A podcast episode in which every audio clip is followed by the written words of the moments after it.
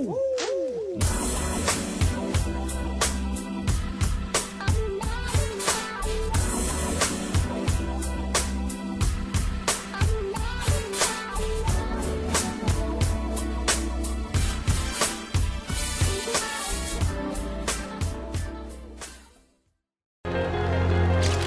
život vodio sam se istim principima. Ukoliko ne pokušaš, nikada nećeš znati koliko možeš. Iza mene su uspesi i porazi, usponi i padovi, a ispred mene jelen pivo.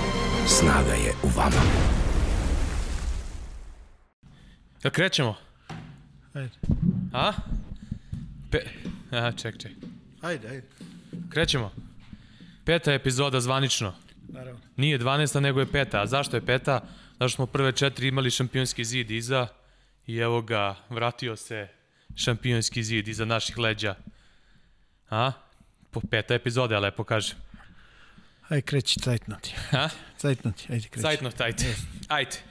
E, 12. epizoda, nema više šale. E, imamo, imamo materijala, imamo interesantnog gosta, imamo e, zanimljivih e, utakmica u prethodnom periodu od prošle epizode. Krećemo sa... Pa dobro, sa Eurokupom, sa Sabom, sa čim hoćeš. A? Problem.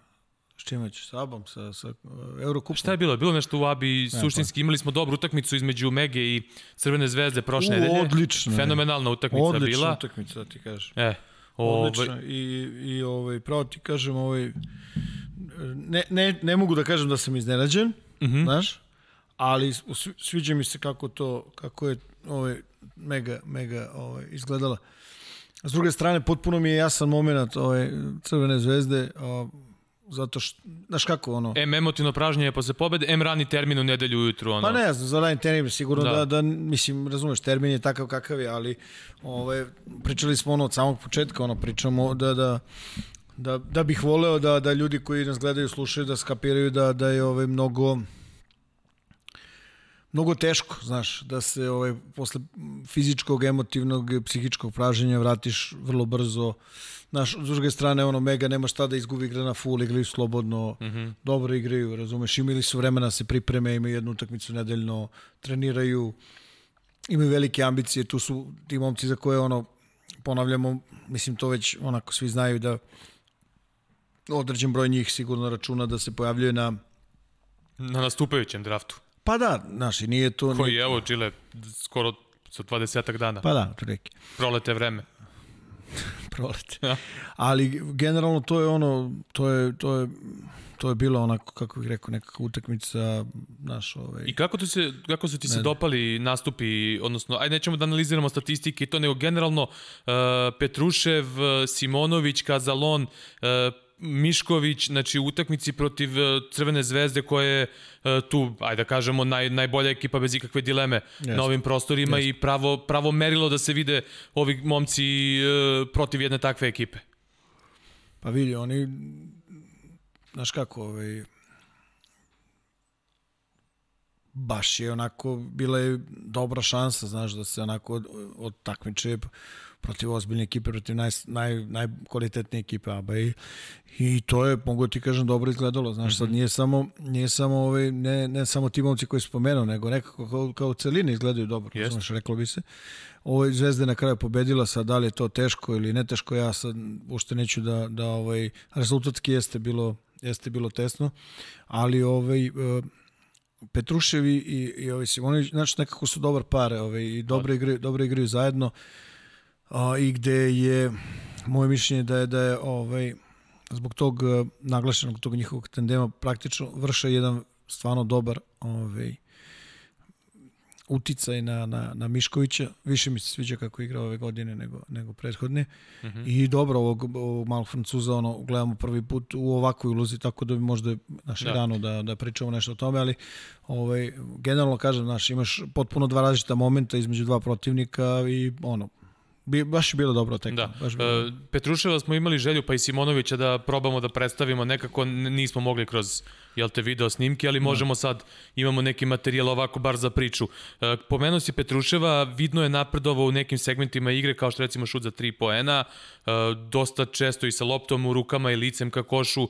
E, I sad kad si spomenuo ta, to partnerstvo sa Simonovićem, nekako mi utisak izgledanja Petruševa svih ovih prethodnih godina da se vrlo dobro snalazi u tim tandemima i onim mlađim reprezentativnim uzrastima i sa Pecarskim dobro funkcionisao mm. u tandemu, s tim što sad kažem i on je malo proširio taj range kada je šut s polja u pitanju. Dobro, znaš, ali još to, mislim, on kad je momak dolazi, ako se ja to dobro ispratio i dobro ovaj, shvatio, on je dosta pričao o tome da, ovaj, da, da u stvari da je došao u Megu, da, da se ovaj, prihvatio toga što je generalno za njega izazov, znaš, promena sredine, tamo gde je bio, bio je, kako bih rekao, bio je uspostavljen.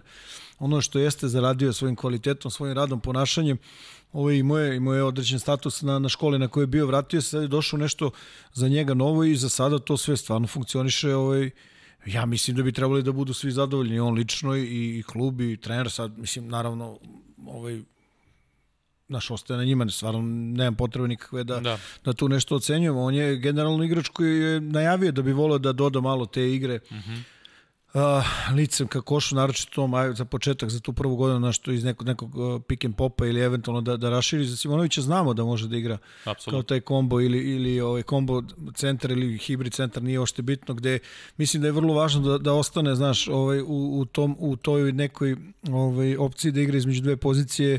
Uh, ne znam uh, da li je uh, najbolje za njega da postane formacijska četvorka, ono što se kaže čista. Mm -hmm. Ovo gde je sada, mislim da je, da je ovaj, sasvim u redu, dok je Mišković treća ovaj, priča odnosno na ovu dvojicu, on je profilisani ovaj takozvani spoljni spoljni ovaj stretch 4 i tu nema puno filozofije, ma kažem ti, ovog Francuza nisam gledao, nisam gledao baš dovoljno, ali ono ovaj kapiram da ima da se uklopi u tu njihovu ovaj priču Mege i on to nažal sada to sve ide ovaj kako treba. Uh, imali smo još dve interesantne neizvesne utakmice, što se kaže dva derbija još kola.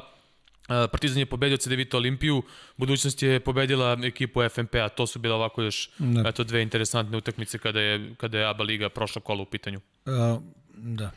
Što se tiče Eurokupa, da pređemo već na Eurokup ili imaš nešto da dodaš? Ne, e. to, to je to manje više. Pa vidi, ovako, Eurokupu naš ono nastavlja sa, sa onim pričama što je prati generalno sve, sve ovaj, sva takmičenja koje se ono ovaj, uh, igraju na, na, na kontinentu, to su te priče, znaš da li se igra, da li se ne igra, neke grupe Neke mm -hmm. grupe su, ovaj, su ono što se kaže ne, ne pogođene za sada ovaj, nekim covid restrikcijama, mislim grupa, grupa B, mislim su igrali po pet utakmica i, i ova grupa C, dok u grupi A gde, gde Partizan ima, ima timova koji igrali su od pet do, do, do tri i ova grupa D gde, gde je bilo preskočeno prošlo kolo nekoliko tekmi, ali generalno ono pričali smo prošli put, znaš, izdvajaju se te neke, utek, ne, neke timovi, a, Bolonja i Juventus su ostali na 5-0, uh -huh. Ove, i to su, ja mislim od sezone 15-16 da je to, to su šesti i sedmi tim koji su startovali za 5-0, znaš, to je, to je vredan, vredan rezultat, vredan podatak, po mene, mislim, naš ono, a, recimo Juventud je ovaj, dobio Unix u Rusiji um, Bez Ante Tomića i Pau Ribasa. Pa jeste, znaš, ono, tačno, znaš, došli su onako, ovaj, što se kaže, ovaj, ne znam da li prava reč, rasterećeni, znaš, oni uvek igraju ono, da ga dobiju prosto tako, tako, tako igraju uvek i sa ovom dvojicom i bez njih, ali naši izašli su, pobedili su Unix, da li, da li su ih, da li su ih pocenili, da li nisu pocenili, ja to sad ne znam, tokom utakmice nekako sam imao utisak da, da Unix traži neku dovoljnu količinu energije za pobedu, ali ono nekako nisu mogli da našu i na kraju se završilo da, da, da su izgubili ti. Da će im to poremetiti ovaj neki prelazak u, u, u ovu grupu, ja nisam, nisam baš ovaj siguran. Unix je imao Nate Voltersa koji su oporevo i konačno su imali Okara White-a, koga jest, smo isticali jest. ovaj, da, da, da je onako igrač koji Holland, će Holland nije igrao da. i posle ćemo to pogledati u ovim, ovaj, nekim klipovima samo da, da završimo oko grupe A. Da. A, ono što je za nas... Samo, se, samo se to da kažem još za Juventud, da, ovaj, uh, specifična situacija za njih, 5-0, uh, ušli su u produžetak na toj utakmici u kazanju, iako su imali dobijen meč mnogo ranije. Pa, uh, I sad se da. to, uh, oni gostuju, oni sledeći protivnik Partizana i da, iz tog ugla spominjem celu tu priču. Sinoć su igrali uh, utakmicu protiv Fuenlabrade, izgubili mhm. -huh. su prvenstvo, jednu napornu utakmicu su imali. Uh -huh. uh, brat Melo Trimble je ovaj, pokazao neke kvalitete na toj utakmici i e, sutra ponovo igra utakmicu sa Estudiantesom mm -hmm. i onda u sredu sa Partizanom u, u Beogradu. E, Tomić se vratio, Ribas nije još uvek. Pa eto, samo sam teo da nabacam malo te neke podatke ovako da, da imamo da prikupimo za nastavak priče. Pa vidi, oni generalno način na koji, način na koji igraju, znači sa velikim brojem igrača u rotaciji, znaš, mislim da će Durant to nekako da da, da ishendluje onako kako, kako treba. Velika je to jedna, jedna pobjeda, pravo da ti kažem, ovaj, e, za njih ovo protiv, protiv Unixa. Mislim da su oni već sad osigurali taj drugi mm -hmm. krug. I ovaj, kao što može da se priča, već to smo rekli prošle nedelje, da ovaj Bakče Šešir, ovaj, tvoj ovaj prijatelji iz Istanbula, prosto mislim da, da su izgubili, da su izgubili sve, ove, sve šanse. Iako ovaj, ja, sam, ja sam gledao tu utakmicu, su igrali, znaš, Ne možeš kaži da je to sad kao neko izađe kao lagano ih dobije. Ima tu baš kvaliteta, naravno, se Perez, tu je Green, znaš, i onda ovaj, ovaj turski deo ekipe, domaći deo ekipe prati sve to.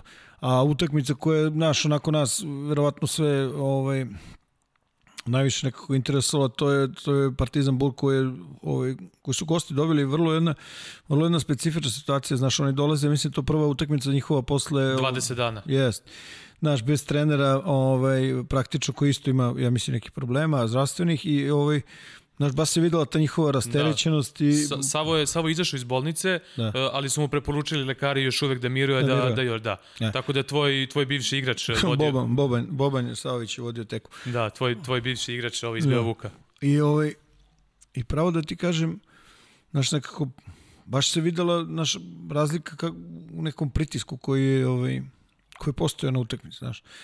I Burgi pobedio Partizan, sad, znaš, možemo polemišemo zašto, kako, ovaj, da li je Partizan pružio dovoljno za, za, za pobedu, nije pružio dovoljno za pobedu, rezultat je takav kakav je, posle to ovaj, povuklo neke neke druge stvari koje su izdešavale, ali ovaj, to je opet ono, znaš, ne, mo, ne, možeš, e, ne možeš ti sad unapred da, da kažeš ovo ćemo sigurno dobijemo, ovo nećemo dobijemo i tako dalje. Mm Znaš, prosto...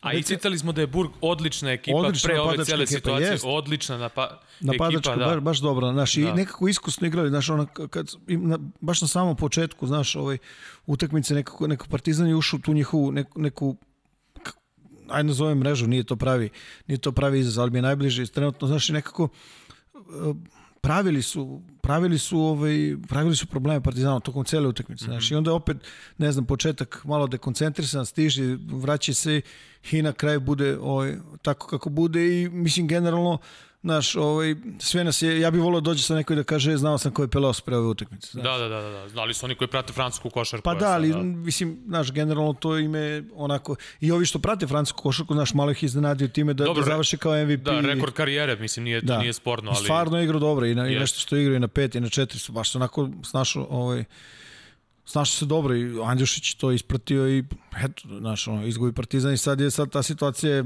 ovaj, 2-3 i čekaš Juventud, Mislim, malo se to zakomplikovalo, inače ta, naš, te najave kao lako ćemo kroz prvu, kroz grupu i to, naš, tek sad vidiš koliko yes, stvari grupa yes. nije jednostavna. Ja, ja sam pričao to i kad, kad smo radili, prenosili smo žreb, ja sam rekao da uopšte ta grupa nije naivna. Pa ima svi su olako, svi su prvo olako otpisivali Burg ne znajući kakav su tim, ovaj, A. da ne smeš da ih poceniš, znači nije to sad tim koji sad ti kažeš, e, kao, to ne znam ja da ga poradiš, ali to je tim koji ne sme da se poceni, isto kao što i Bakča Šekir, ne sme da se poceni bez obzira na ovih 0-5, rekao pa, si, sad odlični one, pojedinci. Pa oni sad ulaze, to je ta, zna, oni tek sad ulaze onako kako bi ti rekao, neku situaciju, znaš, igraću malo kao, eto, nije pravi za, za sebe, znaš, ali igraću, znaš, takmičar sam igraću to bez ikakvog opterećenja, to je velika stvar, znaš, velika stvar i onda kad se to iskombinuje sa rasporedom, s putovanjima, sa, sa ovim, sa ovim, ovim covidom i ovim budalaštinom, razumijem, to je, do, dođeš u neke, kako bih ti rekao, situacije koje ono, dosta je teško se planira, znaš. Da. Baš je dosta teško se planira. Generalno, a, u grupi B je za nas sigurno najzanimljivije utakmice između budućnosti i, ovaj, i Mornara koji je Mornar dobio u, u produžetku ovaj pogodkom ovog, kako se zove, Whiteheada. Da, za znaš, pobedu, trojka. Pa da, onako nekako izjednačen, znaš, ta, ta, ta, ta cela utakmica, iako je i, ovaj, i Mornar je isto pogođen ovaj, tim nekim zdravstvenim problema, želimo stvarno ovako i u lično i u ime nas ovaj, želimo da, da, da Đoko to pregura što pre i, i da to ostavi što manje posledica na, na, ovaj, na njega. A, isto tako imaju taj smrtni slučaj koji su imali unutar ekipe i stvarno ne, ne znam šta bi ti rekao, ali generalno se vratim... Da, da se videlo vratim... se i izjavi koje Pa jeste, baš je bilo onako, da. prosto je bilo teško, znaš, i ne znam šta ti kažem sad, da, da, da tu nešto ne, ne da ne širim priču oko toga, mislim, da. baš je onako neprijatno. Ali generalno, znaš, postoji, malo se izdvojilo, posle pet kola izdvojili se, ovaj, Unikaha je tu na vrhu i budućnost i, ovaj, i Bolonje Mornar imaju svi po, po 3-2 i nekako ja mislim to su to te četiri ekipe koje nadam se da će proći ovaj, a, dalje C grupa Bolonja dominira, to je e, ono, 5-0 da, i jeste. ispod toga Kuban. E, to sam teo te pitam, Lokomotiva polako čini mi se da pali ovaj, uh, kako se, može se kaže motore? Ma pali ti. Ma pa. šta, šta pale oni, to lokomotiva, da, da. šta palio? Kazan neki, šta mislim? Što rekao, kazan? Da, pa šta, šta pale, mislim, ono, lokomotiva, pričamo ono starinskoj. Da, da. da. O, 88, 80, 88, 72 su dobili uh, u Monaku. Da. Uh, rekao bih najbolja njihova predstava ove sezone i oni su imali malo problema, doveli su, igra, doveli su igrača, uh, polako se to sve sad slaže kod njih i delo da lokomotiva... Dobro, Srđo, vidi. Generalno kad smo pričali o toj grupi, rekli smo Bolonja, Kuban ispred, pa ne znam, tu negde u sredini, verovatno ovaj, Monako, Andora i realno na, na, da. na, na nekom ovaj, donjem delu te ovaj, neke tabele su Lijet Kabelis i, i ovaj, koji je ostao Antwerpen, jel? Da. I to je to i mislim te četiri ekipe onako mislim mislim da je dosta teško da da da bi Lijet Kabelis našao neki način da da prođe dalje. Andora ima ovaj sad ih je pobedila tamo u, u ovom kolu i ovaj trener njihov je zakačio ovaj, isto COVID. A, Monako je recimo doveo jednog uh, igrača koji se meni Rob Gray. Da. I meni se mnogo sviđa od Univerziteta da. Houston. Da, da, da, da. Vrlo je neobičan, specifičan karakter, ali meni se mnogo dopada kao igrač. U napadu. Da. U napadu da, da, da. Ali kapiram da će to ovi da ga ovaj, uškope tamo i da, da to izgleda malo malo drugačije i u odbrani, ali stvarno je talentovan napad. Mislim da će doda neku njihovu, dodaće dodaten kvalitet tom, tom napadu Monaka koji gledali smo ih, uh, prošle nedelje bilo to sa Bolonjom. Da, da, da. Ove, ma, možda malo im da neke, nekih uh, još opcija i generalno ova, pravo ti kažem, ova grupa D, ne znam šta se izdešavalo, oni su imali probleme sa nekim utakmicama i nisam ja to nešto Da. Ti iskreno kažem, nisam ni ispratio za ovu nedelju sam odabrao da, da, da, pogledam, polako, da, da, da pogledam ovu utakmicu, ovaj, analizu ovog uh, Uf, uh, Unix Juventud. Unix, Unix Juventud, stvarno, stvarno dobra tekma, ako neko propustio, ovaj, ja, ja, bih je, ovaj, ja bih je preporučio. A, evo odmah na početku, a, to su, to je ta nek kao rani napad, ovaj, Juventuda gde pas ide na pet, ono, to je taj open raspored u kome mm -hmm. pričamo sa ovom, sa ovom blokadom, evo viš, ova blokada u leđa kada je lopta petice gore, generalno ovaj momak je uradio odličan posao umesto Tomasa uh, celu utakmicu igra stvarno stvarno u redu ovaj šveđanin Mhm, mm Birgander. Birgander. Uh, ostaju sam ponovo da, da vidimo, e, ovde, vidi ovako, ovo, ovo, su neke, ovo su neke, pričali smo o tome već, ovo su neki detalji odbrane, ovaj, odbrane Juventuda, uh, ovo je igrač sa, sa, sa prvog pasa ovde, naš, uh, mislim, je li Dimitrijević to već, ne pojem. Ne vidim dobro. Dobro, pa znam da ne vidiš ali ovaj znaš ono centar centar ne izlazi agresivno i generalno kontrolu kontrolu ovog prodora ovaj radi igrač sa prvog davanja i Unix je odabrao da utrčava međutim ovde ovaj vidiš praktično je došlo do do preuzimanja unutar tog pika i nastava kretnja oni su našli ovoga i napali znači ono close out odma odmah posle posle ovog a, zapamti ovu kretnju samo da pokažemo. Znači ovo je ovo je ono što je što je gledamo svake nedelje, znači taj kao pick and roll na na pick na na elbow na uglu na uglu penala ka sredini vrlo jedna komplikovana situacija za ovaj za svaku odbranu. Kazen se odlučio ovde zaista ima pokretljive te centre i odlučili su da izlaze vrlo vrlo agresivno gore. Međutim ovo je naš ovo je ovo je stvarno jedan ovaj težak pas, ali Ovde generalno Morgan se snašao lepo i, i poentirali su. A, ovo je ona iz 5-0 iz otvorenog Unixa, ovaj napad ostaje se da se pogleda ponovo. Stvarno mislim da je da je stvarno mislim da je zanimljiv i da da ovaj može da može se vidi naš vrlo vrlo strpljivo ono što se kaže dobar napad i dobra odbrana. Ne može da se kaže da je Juventud negde nešto grešio, ali poentirali su. A, kratki, kratki rol uh mhm. -huh. i, ovaj, i ovde gađali tako su pokušavali da kažnjavaju celu utakmicu. Inače, uh, ce, ce, ovaj, dok budu ljudi gledali klip, znači obratite pažnju na, na ovog igrača, to je ovaj playmaker. Uh, Ferran Basas. Da, E, znači ja ću skretati pažnju ljudima na, na ove njegove poteze. Znači ovo je ono, sve ovo što izgleda lagano, veruj mi... Ovaj, Nije uopšte lagano. Pa mislim da, da nije baš ovaj, baš toliko lagano ko što, ko što ovaj, mi mislimo. Ovo je već uh, da ljudi vide Okara Vajta, verujem da, da, da ima ljudi koji ga znaju i ne znaju, ali znaš ono što je Juventus, znaš, on, on trče, kad god mogu, oni, oni trče, ne žure. Znaš što je zanimljivo? Imaju stvarno dobro, dobro ravnotežu između, između ovaj, između tog nekog nazovi postavljenog napada i, i, onoga što hoće u, u, kontra, u kako se zove, u kontranapad. Uh, Nate Walters. Samo da, da ga ljudi vide da znaju da se on se kaže da se vratio i on je, mislim da je mnogo važan za, za ovu ekipu mm -hmm. Unix.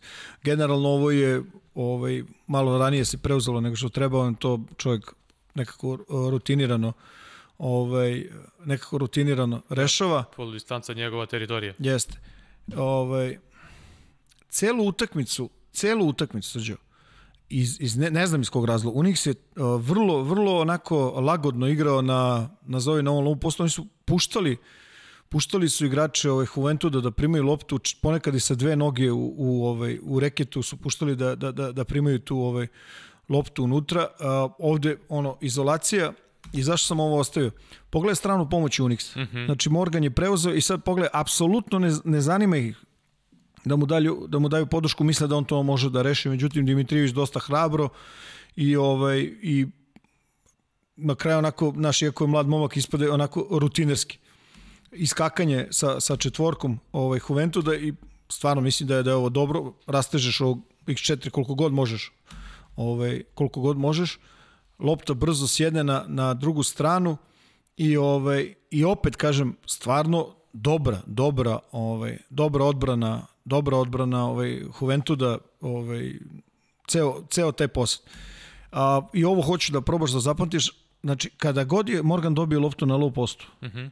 On je stvarno pravio velike probleme za, za ovaj Juventud. Zašto su od toga odstupili u drugom ovom polovremenu, ne znam nemam, nemam neko ovaj, pravo ti kažem objašnjenje i sad više ovu kretnju koju radi Brown ovaj, ovaj kao neki flair za, za dodavača i generalno taj, taj igrač smeta Morganu, on je, on je jedan od onih koji na lopostu mm -hmm. igraju sa, sa viškom sa driblinga. viškom driblinga, da, Aha. i sve, sve što mu je iznad njegovog nivoa, kao što je sada Brown, to njemu generalno smeta. Međutim, ovdje je pokazao stvarno ovaj veliko strpljenje, sačekao da se ove spusti dole, da isprazni prostor koji možda napadne na kraju napoj mislim da je čak i poentirao, čak i da nije poentirao. Ali ovaj naš to je to je stvarno onako pametno. To je taj kao uh, uski uski krl, usko zavijanje oko oko low posta koji otvara koji otvara ovaj ono instant ovaj dubinu i vidiš ovog puta vidiš da je Brown, Brown je ostao na Brown je ostao na čeone. Da. I ovaj samim tim je taj posao što se kaže lakši na prva dva donavanja su ono izraziti šuteri Smith i ovaj Cannon. I ovaj to je pravilo veliki problem za, za Juventus, međutim posle onako u drugom polovremenu uvijek se od toga ovaj, dosta dosta ovaj odstupio. A, pogledaj close out, prilazak igrača. Znači, iako je bilo što davanje, praktično naš sa glave u kolena, baš su onako nekako lagano uši. To je ono što si ti rekao, da li su ih pocenili, ne znam ja da li su pocenili, da li da, nisu. Da, nekako, da. Ali nekako je bilo mekano. Vidiš ovde kao preuzimanje i to je ono što si ti rekao. Znači, cijelu utakmicu o, naš, bez ikakvog fajta, pogledaj, ovo je početak, e, početak četvrtine, Kana nije u problemu ošte sa penalima, ma ne zanima ga da on tu nešto iz, da ispreseče. E, al, al ovo je vrlo ono, lagano, znaš. A to ono što sam ja naglasio, što smo pričali prošle nedelje kada je Partizan igrao sa Unixom, da, da, da Unix zapravo ovo radi stalno, a da su protiv Partizana prvi put pokazali neku taj vid da, pa je, male agresivnosti, na, bar na spoljnoj liniji. Pa eto vidiš, da. eto vidiš. Znači, I zato mislim, da generalno su... su ušli u tu utakmicu onako malo, uh, kako bih ti rekao, odlučije nego u ovu. Ovaj, I p, mislim, ok, ovo je ono što ste, znači isto Juventus na ovom handoffu, ovi back-back, uh, preuzimaju stvarno dobar, stvarno dobar posed, ovaj, stvarno dobar odbranbeni posed ovog uh, Juventus da završio s ovim katastrofalnim šutom. I sjajna komunikacija na svakom. Kogla. Ovaj, pogledaj Bas. Znači, istog momenta kad je video Morgana ovde, u ovoj poziciji, uh, pre toga vidio sam Walter traži traži ovo preuzimanje. I pre nego što Brown izlazi njega, znači nema nikakvog pritiska na lopti, opa, i ovo je to već šut preko ruke koji je ok, promašen, ali na, što vidi, vidjet ćeš posle u drugom polovremenu, ovaj, isto tako je, na, čovjek, mislim, ja mislim da ovu utakmicu dobro igra. Stvarno je, ono, to je to. Uh, još jedan put, još jedan primer uh, odbrane pick and rolla, znači na strani Juventu, da viš da ovo ovaj igrač na, na, na vrhu koji čuva Jamara Smitha, mislim mm -hmm. to je Bas. Bas isto. On ostaje nevezano za, za kretnju Smitha, on ostaje, on je igrač koji pomaže na, to, na tom piku, međutim, posle pasa ovaj, stizanje, ne znam zašto igrač iz ugla, mislim da treba da ostane šire, ali generalno ovaj, težak, ovo je težak, veliki individualni kvalitet Brown, ali moglo je da, da, da, da bude lakše. I oni su, mislim, u principu bili ovaj, spremni na spremni su bili naravno na ono što Juventus radi odbrani. Izvanredna reakcija Brauna kao igrača iz donje linije koji treba da pokupi rolera, kocka uzima loptu živu i iz toga ovaj, oni istračavaju u, u, ovaj, u kontranapad i ovaj, pravo ti kažem, znači on je od, uzeo loptu i nastavio da se kreće. Stvarno izvanredan ovaj segment igre. Izvanredan segment igre opet agresivno na, na tom pick and i opet kontra i to je onaj deo igre, znaš, kao krenuli su onako, kako bih rekao, malo uspavanije i onda kao probude se, pa odigraju nekoliko momenta u redu i onda, ne znam, drugačije. Uh, ovde je klasična ovaj, greška sa prvog dodavanja ovo izlazi centar umjesto da, da se reaguje s donje linije i Kazanj to relativno ovaj, na kraju je, na kraju je kaznio izvanredan pas je baš dobra završnica Morgana, baš, baš dobro, vrlo ono što se kaže spretan, spretan u tim završnicama. Opet pomoć prvog dodavanja, znači Smith potpuno svestan da, da je to prva ideja da se doda, Walters bez, evo ga, znaš, ono, fintira ovoga. I još jedan pick and roll. I odbrana je, odbrana je pukla ovde, gde praktično u odbrani pick and roll ovde, ova dva igrača pomešaju zadatke. Broj 10 rotira na rolera na Morgana i to otvara Brownu bukvalno ono, znaš, u, u dubinu. Stvarno, stvarno dobra, dobra reakcija ovaj napada na, na odbranu. Kažem, Juventus dobro brani taj dobro brani taj pick and roll.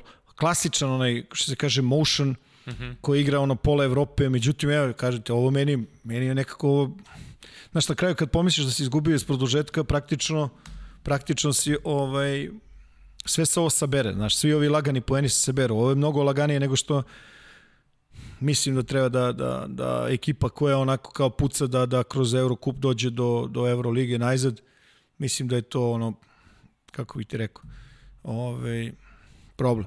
Ovde je nedostatak komunikacije klasičan, znači na lopti usmerenje, centar spreman da iskače, Walters pročito to izvanredno, redno, uh, White kretnja bez lopte, otvaranje kornera i on je generalno taj takozvani hibridni ili centar koji može da igra i 4 i 5 i stvarno ovaj, ovde to, to i pokazuju. Generalno za tu prvu za tu prvu ovaj partiju, mislim tu prva partija sa Unixom, tako?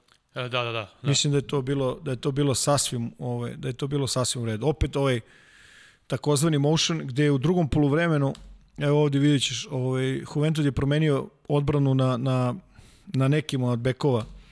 Ovde, on, ovde idu ispod i na, posle toga su radili izolaciju i sad gledaj, ovaj late switch uh, ovog mm. momenta, znači kad ga gubi i uzima ga ovaj centar i to je rampa i posle toga ovaj kontranapad. Ovo je stvarno dobro, znaš uh, Bas prepoznao je taj prepoznao je mismatch uh, kat, svih pet igrača uključenih i u odbrani napad. Ono, izvanredan posed. Uh, Kanan Čita ovde igrao, ko je ovaj, Čavi, igra ovaj, na pamet, ali ja ne znam iz kog, nemoguće da nije vidio ugao. Mm -hmm. Je li tako? Da, da. Znaš, ovo se kocka sa Bas s prvo dodavanja, ok, on je pokušao da prođe, nije moglo i opet iz toga se izrodila ova kontranapad u 3 na 1, baš onako rutinska završnica i vidimo, naš, pratimo rezultat. Sve to, znaš, to je sve na kao 1-2 poseda, ali uh, kažem ti, ni, ne, nisam video da je Unix ono, o, igrao da je igrao ovaj, svoje najbolje. A, izvanredno individualno rešenje, ja mislim da je to Smith, tamo ne vidim najbolje, znaš, na, na zatvoreni stav i kretnju ka lopti, finta i ovaj, fade, ka korneru, izvanredna reakcija, težak šut, ali ono, mislim, od njega smo viđali, što se kaže, i teže. Još jedan put ću te podsjetiti, znači u prvom polovremenu rekao sam ti, ovaj, e, ne, ne, za Morgana prosto nisu više igrali Aha, na, to, na da nisu puštali, da. Ovo je opet ta situacija, znači on potpuno, samo ono perifernim vidom vidi ove poziciju Brauna koji poziva praktično odbranu ovde. Opa, opet iz desnog, iz desnog driblinga gore. Prosto je ovo previše prostora, znaš, Brezjanski stvarno dobar šuter. I ima visok taj šut, onako praktično, ne znam koliko možda ga promeniš, ovaj, ako nisi ovaj, blizu. Opet. Znači, opet, ovo, totalno je segment njegova dominacija u napadu. Znaš, ovde bez driblinga, kat, idemo za kucavanje. Znači, pre toga je napravio 3 poena, sad je napravio zakucavanje. Ove, pogled, dinaj ovog uh, odbranbenog igrača na njemu. Uh -huh. Backdoor i opet pravi još 3 poena. Baš, baš dobar, baš dobar period ovaj, za, za njega ovaj, u, u, u ovom drugoj polovini Unix, o, kako se kaže, ovaj, treći četvrtin. A Walters znamo da, da ovo može i ovaj, iz nekog razloga bez ikakve, bez ikakve ovaj, pomoći, ne znam, Morgan je otišao ovde na neki poluagresivan dribbling, White prosto nije igrač kojom ćeš daš ovoliko prostora. Nije superioran šuter na svoje pozicije, ali definitivno nije igrač kome ostavljaš takav prostor.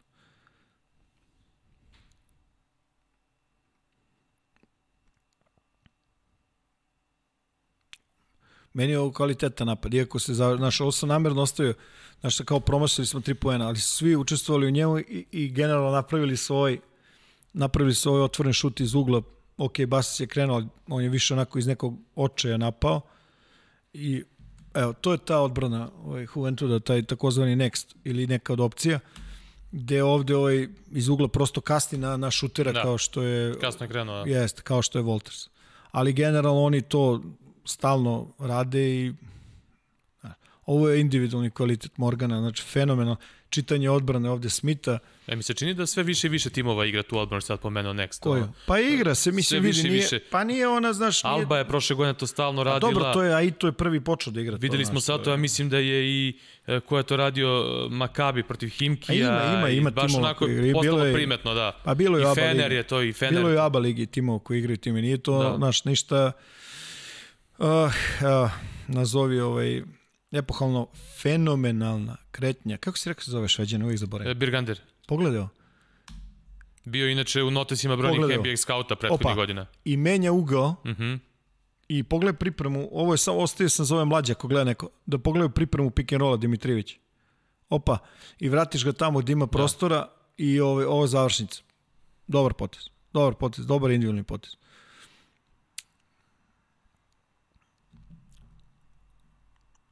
Ovo je onako, ovako funkcionišu, znači koliko je sad, minus šest, šest minuta kraja, znaju šta hoće, ide lopta i ono, igrač koji izlazi iz pika, znači ponovo, ko je ovde, Kanan, znaš, ne pokušava da napadne, on, on, ovo mu je dato rešenje, Juventus ti dato rešenje, znaš.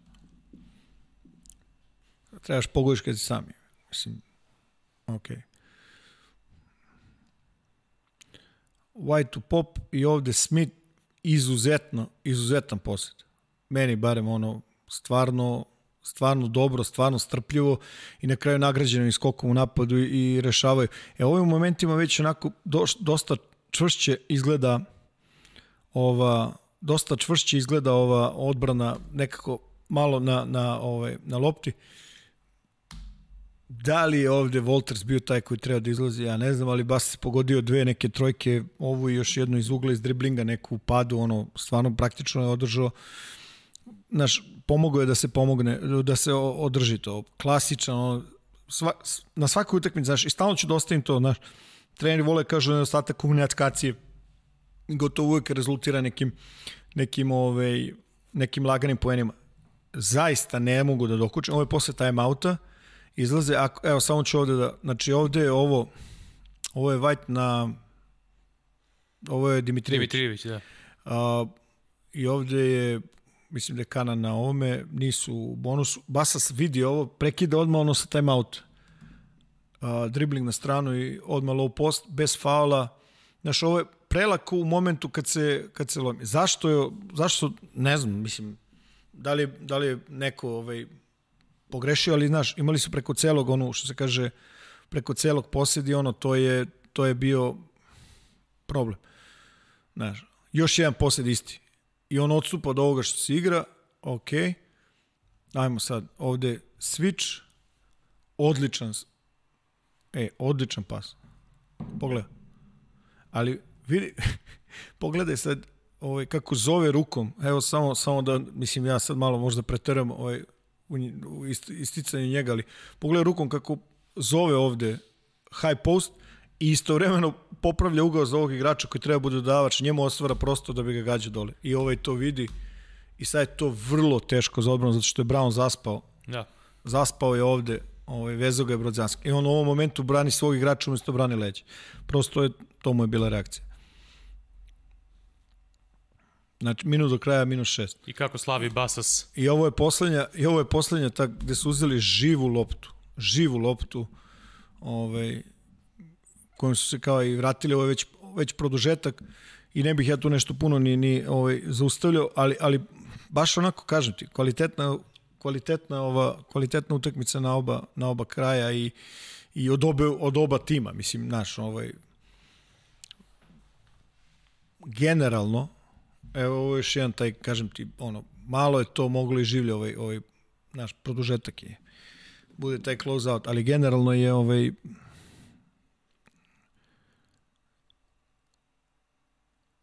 Vidio.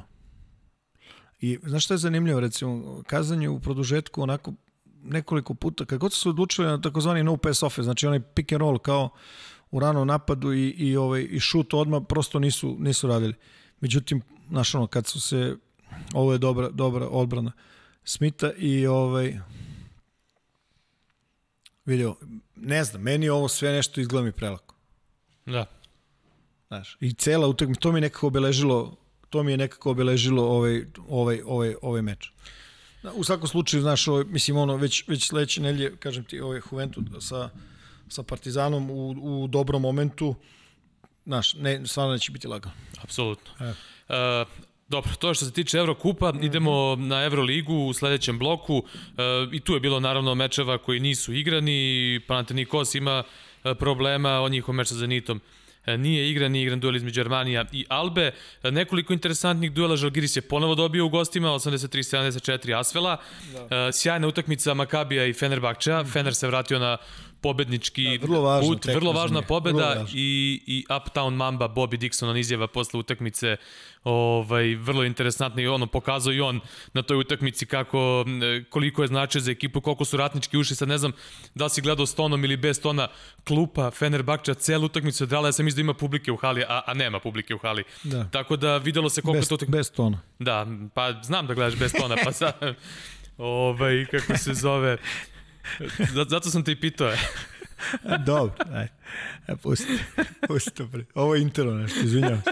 Između mene i njega, sranga bilo. A, svi, ej, a to je ono kad znaš kao jadni srđe, jadni srđe. Ja kažem, nije jadan, pusti te priče pa njegove. Ajde, bre.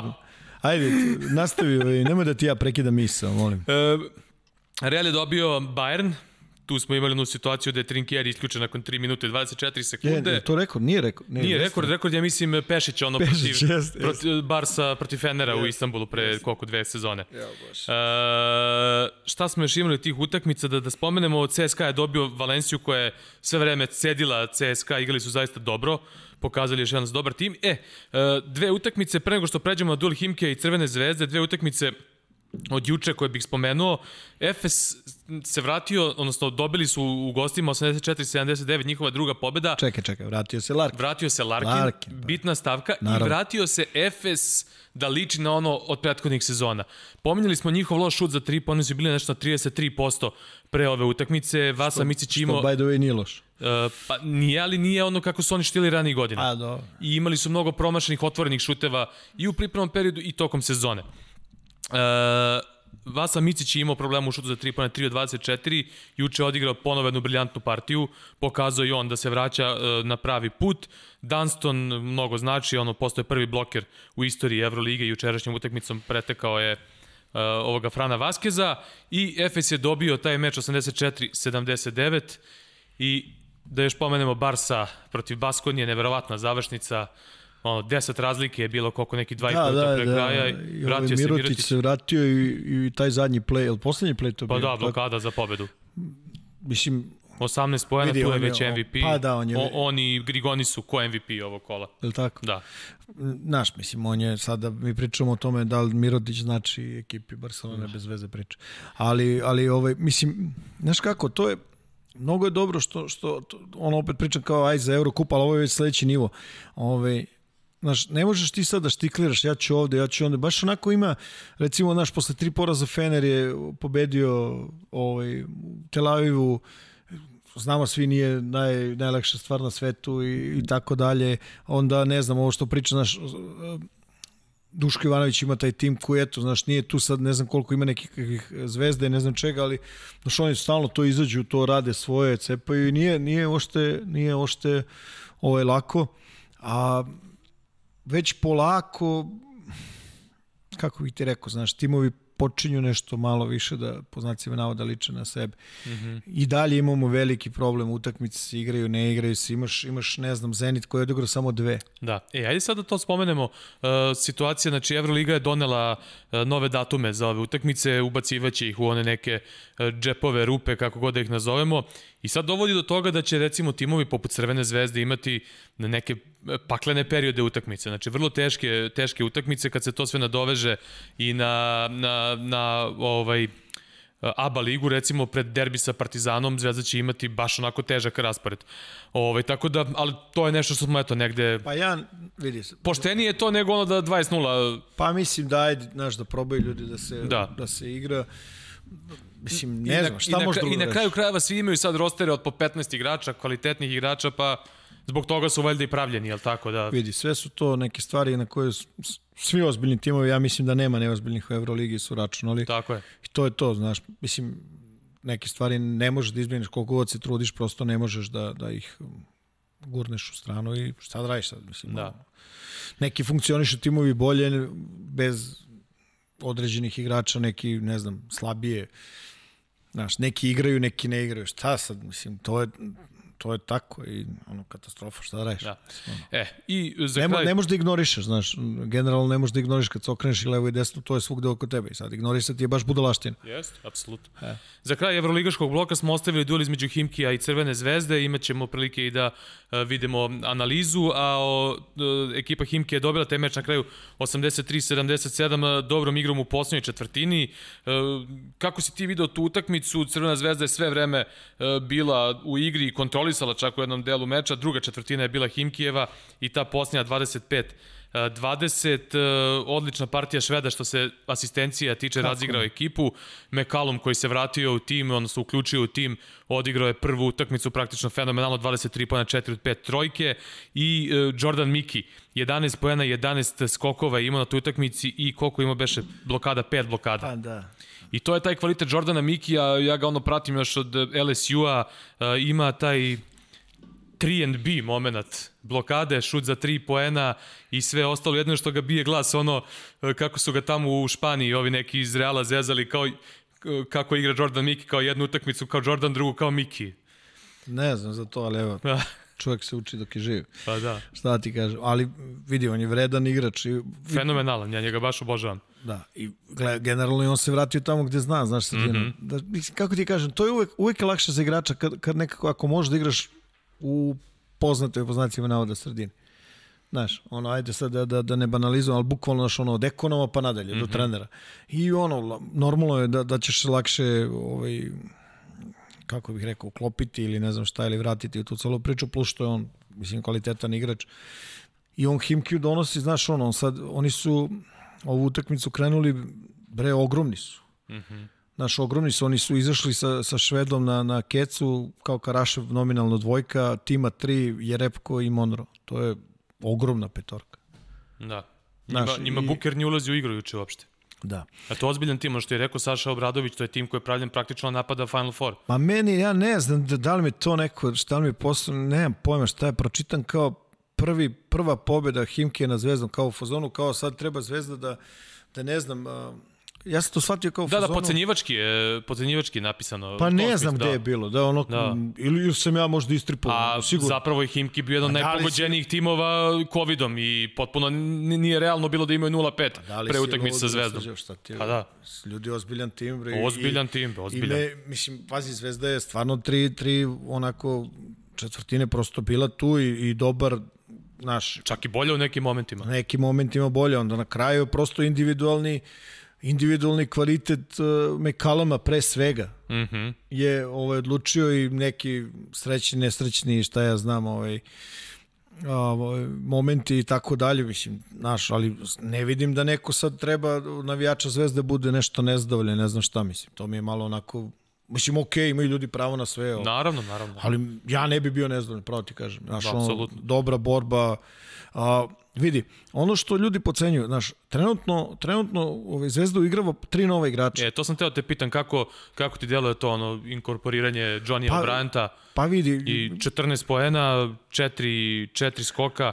E, Ja nisam gledao Ali- utakmicu ali u live-u, pošto sam radio, Aha. pa, pa sam posle gledao u snimku, ovaj, vidim neki komentari, ono kao neka kri- kritika na Obranta, posle gledam snimak, nisam ja nešto primetio pa da je do, tu... pa kažem ti, sve zavisi, vidi, ja ti kažem, očekivanja su osnova svih problema. Mhm, nerealno očekivanje. Pa da. mi, kakav god, kakav god očekivanja su ti uvek uh, osnova svih problema i tu u svemu. I sad, znaš, ja ne znam šta su ljudi očekivali da, da dođe i da se odmah razume da je kao da se ovima igra pet godina. Pa ne može, mislim, mm. -hmm. prosto ne može. Znaš, i on pričali smo prošli put, Zvezda ima jedan, kako bih ti rekao, ima jedan sistem koji, koji oni očigledno ovaj, ovaj Obradović se odlučio za to i to gura i znaš, od njega se očekuje, nema nikakve potrebe da, da na silu pokušava da bude broj jedan tu, znaš. Mislim, aj sad mi imamo, ponavljamo iz nedeljenja, znaš, Lloyd igra fenomenalno, ljudi. Je li dalje, ja mislim da je prvi strelac ovaj, Evrolige, ne pojma šta je, ali, 18 ali, ali da. tu, znaš, tu je na početku i, i generalno sad odjedan put imaš stvarno veliku koncentraciju kvaliteta u Zvezdi, veliku. Znaš, imaš četiri igrača koji igraju sa, sa ne znam, sa, sa, sa loptom, mogu da igraju na pozicijama 1 i 2, imaš dole centarsku liniju fulu, ono, u fulu. Znači imaš, ne znam, vertikalca, imaš, imaš combo big ovaj Bryant, imaš Kuzmu koji je ono veliki, može da igra sa frajerima ko što je ovaj Monro. Znaš, pokriveni su, prosto su pokriveni. Znaš, pri čemu o, Bryant može da igra i četiri. Znaš, i ono stvarno je, ne znam, mislim da je to jedan dobar sastav. Hoćemo da gledamo? Da, da, ajde, ajde, počnemo. A, da, da, stavi, stavi, slobodno, mislim, spremio sam. Evo ga. Vidi, od početka onako videla se neka ideja o Kurtinajtisa, znaš, da on to pojednostavljeno spušta loptu na Monroa, realno odgovor je naš Kuzmin bio, mislim, generalno Zvezda je ovaj, svaki put kada, kada je Monroe na, na parketu pokušavala da odgovara sa Kuzmićem, znaš, Monroe nije baš najlakši igrač za, za ovaj, čuvati ogroman je, stvarno je ogroman je. Ovaj, I dobra lednja tehnika, sjajan dodavač. Yes. I plus, ovo je, vidi, ovo je raspored koji su odabrali na početku za, za njega, to je ono, ako ćete, vratit ćete onaj tvoj spacing. Da, da. Vidiš gde je Repko. 3-2. Jeste, jer Repko je sad ovde praktično na čelnoj liniji i on poništava O'Brientovu neku pomoć, odnosno razlači Lloyda koji mislim da Lloyd drži ovde timu na strani pomoći. Stvarno ga stavlja ga u problem, treba pokriva veći deo terena, znaš. Ovo je to pogledao, video o čemu se radi, da li je na, o Lazićeva fenomenalna fenomenalna pomoć Lazića Lloydu. Mm -hmm. Razumeš? Monro ovaj, strpljiv i vidiš ovde je Repko odloči Bryanta na ovu stranu, ali znači odmah smo videli na početku šta ovi hoće u napadu, šta ovi hoće u odbrani i znaš, to su one stvari vidi, sad po, ini, po inicijativi Bryant uh, brani rek, reket ovde iz, iz kornera znaš, ovde se rola i ali pogodio je znaš, ne može da kaže da je, da je, da je ovaj kasnio ali znaš, mora da odbrani taj neki mora da odbrani taj neki rol. Ista ona priča ovde ovaj sa, sa ovim uh, ovako su tretirali ovog uh, hola, znači sa nešto više prostora, naš pravilo mu se nastavljaš da igraš i generalno, znaš, to je, to je bila prva videli smo šta, šta su odlučili da igraju njega, te sam da pokažem ovaj ljudima šta je Himki odlučio da, da igra protiv Hola ovaj, u odbrani. Vidjet ćemo posle šta su igrali na Lloydu, šta na, na Voldenu i na Ročestiju.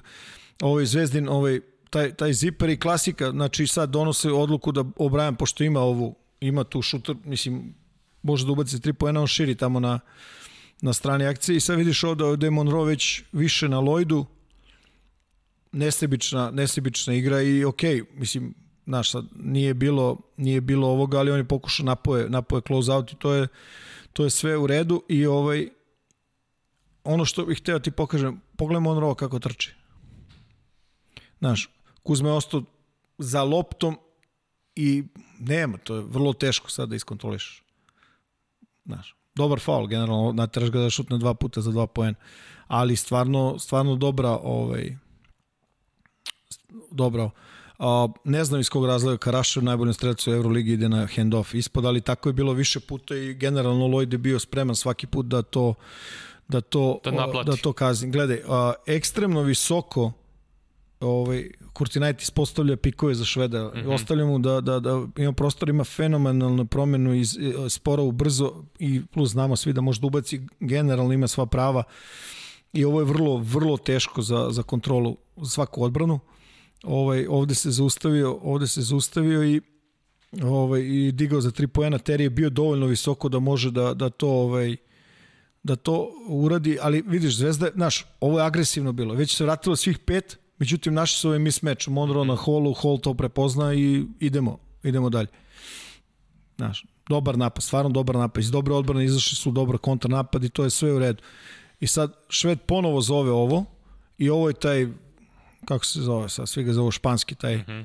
ovaj, pick and roll, koji je generalno prošao zato što ovde je došlo do, do nekih problema između Terija i Lazića i jedina stvar koja je mogla da se uradi, mislim da ovde Kuriđa spašava Zicer, Da.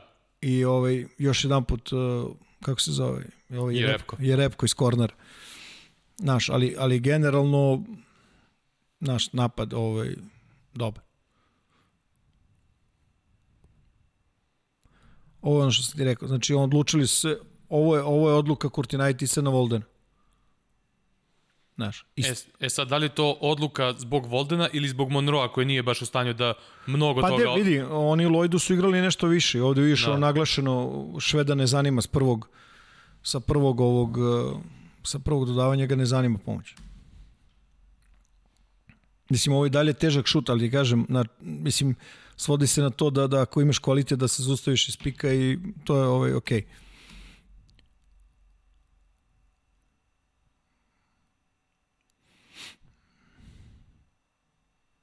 O, nema greške, znaš, ukradeš, znači odlična odbrana pika, Znaš, ovo je sad to usko, agresivno na loptu, on tu nešto pokušava, svi ovde iza leđa, ovaj ko je bio, Kuriđaj, seče se, nije video uopšte ovog Voldena, Lazi se zaustavlja, ima puno vremena, oni to da li ne respektuju, da li neće da stignu, pff, odmah kazna sledi i to je ono. Ovaj, dobro, odmah je bio ovaj, kako se zove, time out i tako dalje i tako dalje. Um, celu utakmicu na ove uzastopne ove na strani pomoći Zvezde, ove na strani pomoći ove uzastopne blokade izlaze telom praktično poništavaju taj neki onaj tečniju varijantu. Evo ga pik. I ovo sam te da ti pokažem. Celu utakmicu Kurtinaitis nije našo rešenje za ovo. Znači, četvorka na, na strani akcije, odlače je repka, Davidovac dole, na istu stranu na koju loptu dolazi i roll terija dole. Znači to je takozvani ovaj, triple post. Pick and roll celu utakmicu. Su ih maltretirali s ovim ili to smo pričali o 1-1-3, ono aha, što igra aha, Denver. Ovaj, Denver. I dosta ekipa igra, ali generalno ovog puta sa, sa Davidovcem izvanredna asistencija i Terry završava. Njemu više nema šta pričamo, svi znamo da je čovjek vertikalan i da, da može da završi ono... Ja, hvala ti za ovaj akcenat. Ovaj, ja kad sam prenosio zvezdu pa mi napadoše me što izgovaram Davidovac. Ovo, ja, za, zapravo tako se izgovara. I ti prošli put kažeš Davidovac, ja maknem za tom Davidovac i onda posle, kao šta sad govoriš Davidovac? prošli put si Davidovac.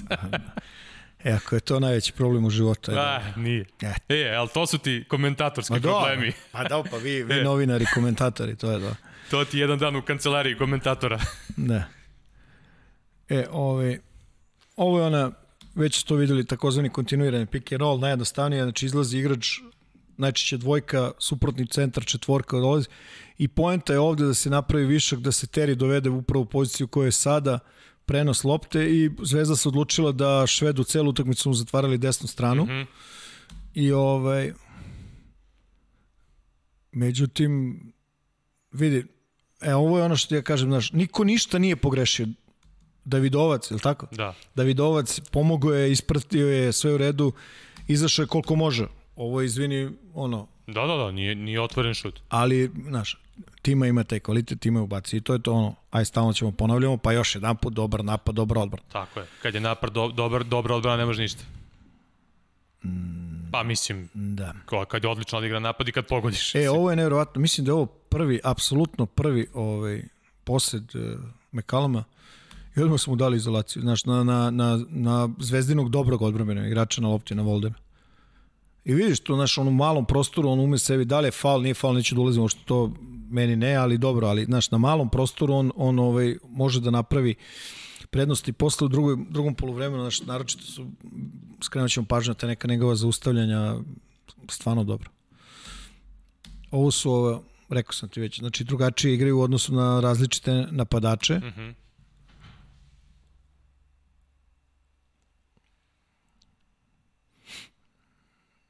I, I ovo je njihova, znači, bez ikakve dileme.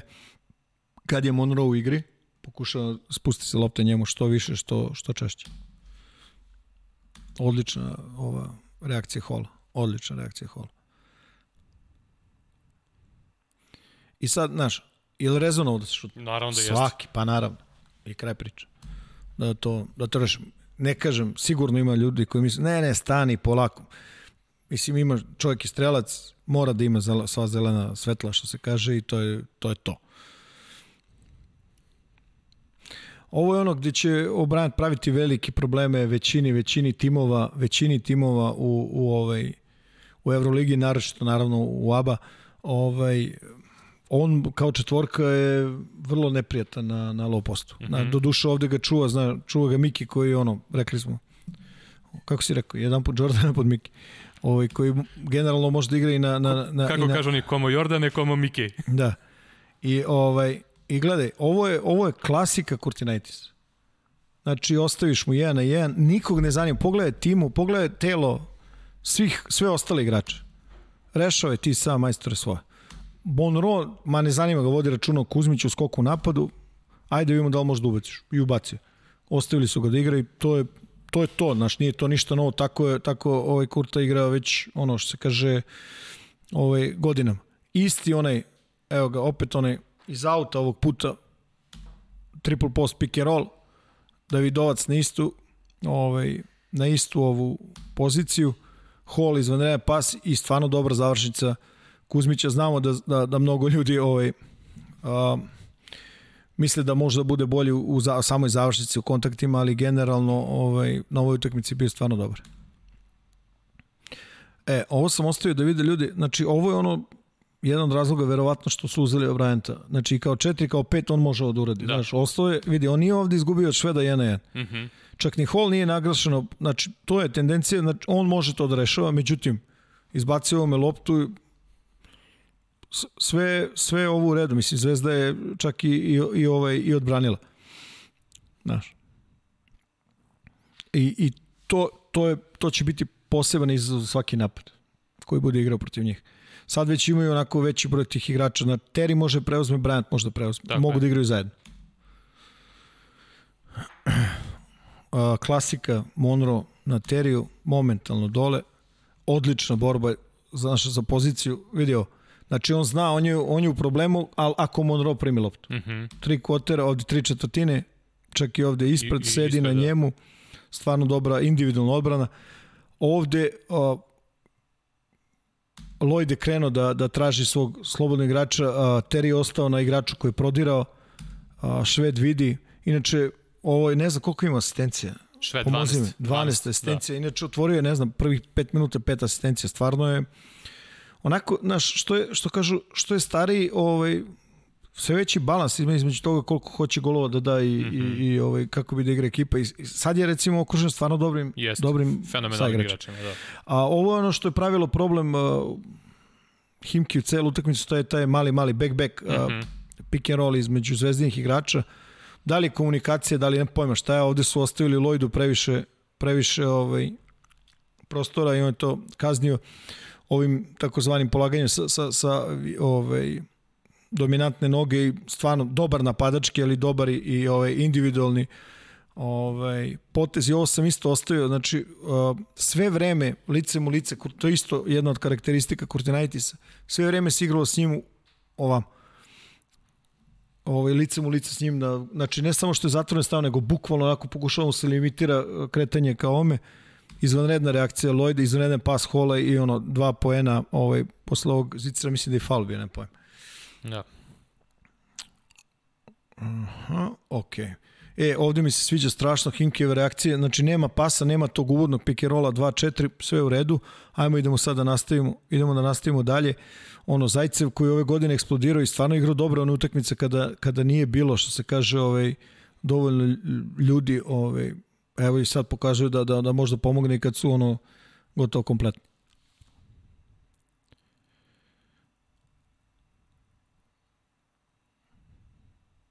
Okay. E, vidi se do.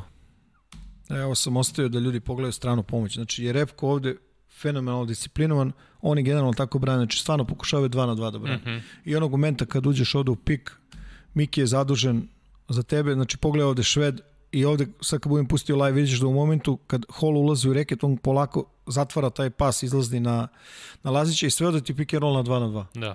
Ali imaju Miki. Znaš, imaju tu vertikalu, imaju Miki, imaju Monroe i to je to. To je to. Znaš.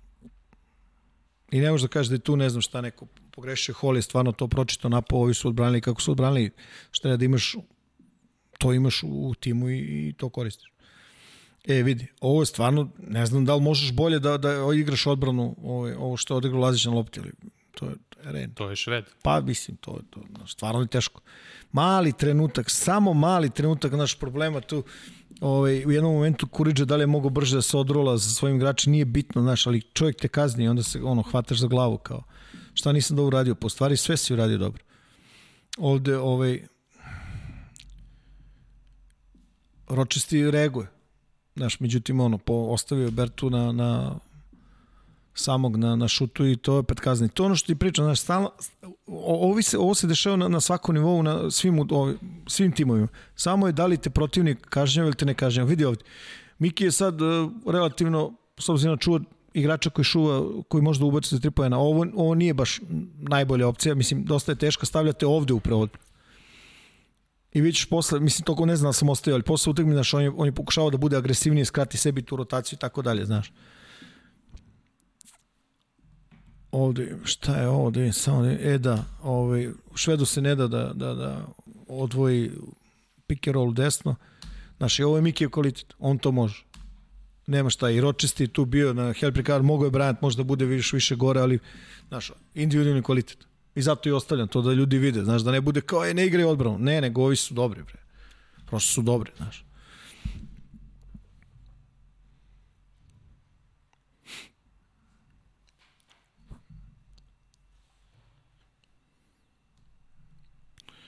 E, okej. Okay. Sad je ovde Kuzma u takozvanom visokom dropu. Mm -hmm. I mhm. on vidi, Šved ovde kako ulazi, Lloyd ima limitiranu pomoć zato što ima Mikalama na prvom dodavanju, generalno Bryant je sada igrač koji kontroliše rol. I Šved to čita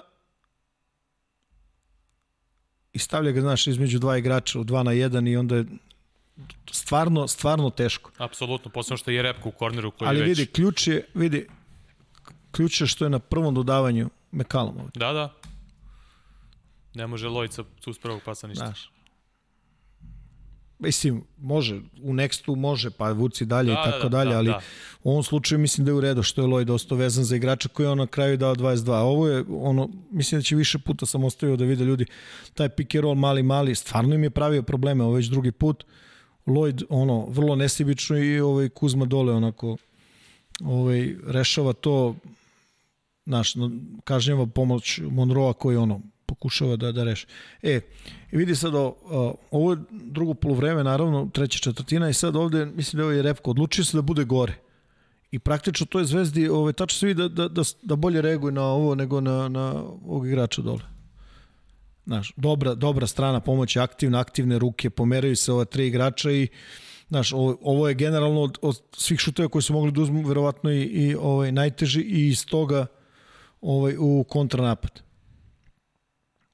E sad, to je ona sa priča, ovaj, verovatno ljudi misle, znaš, da li O'Brien možda Požurio bude... kao da je. Pa da, ali mislim, ok, bio agresivan. Agresivan, da. Bilo je nekoliko, stvarno istine, istine radi, bilo je nekoliko ovakvih situacija, ali ono, kapiram da, znaš, treba mu vreme i ono, bit će to, mislim da je, da je do, dobar je, dobar je. Dobar je. E, ovo mi se mnogo sviđa. Ove, to je ona priča, znaš, da li može na, na nivou Eurolige se igra preko celog? Može.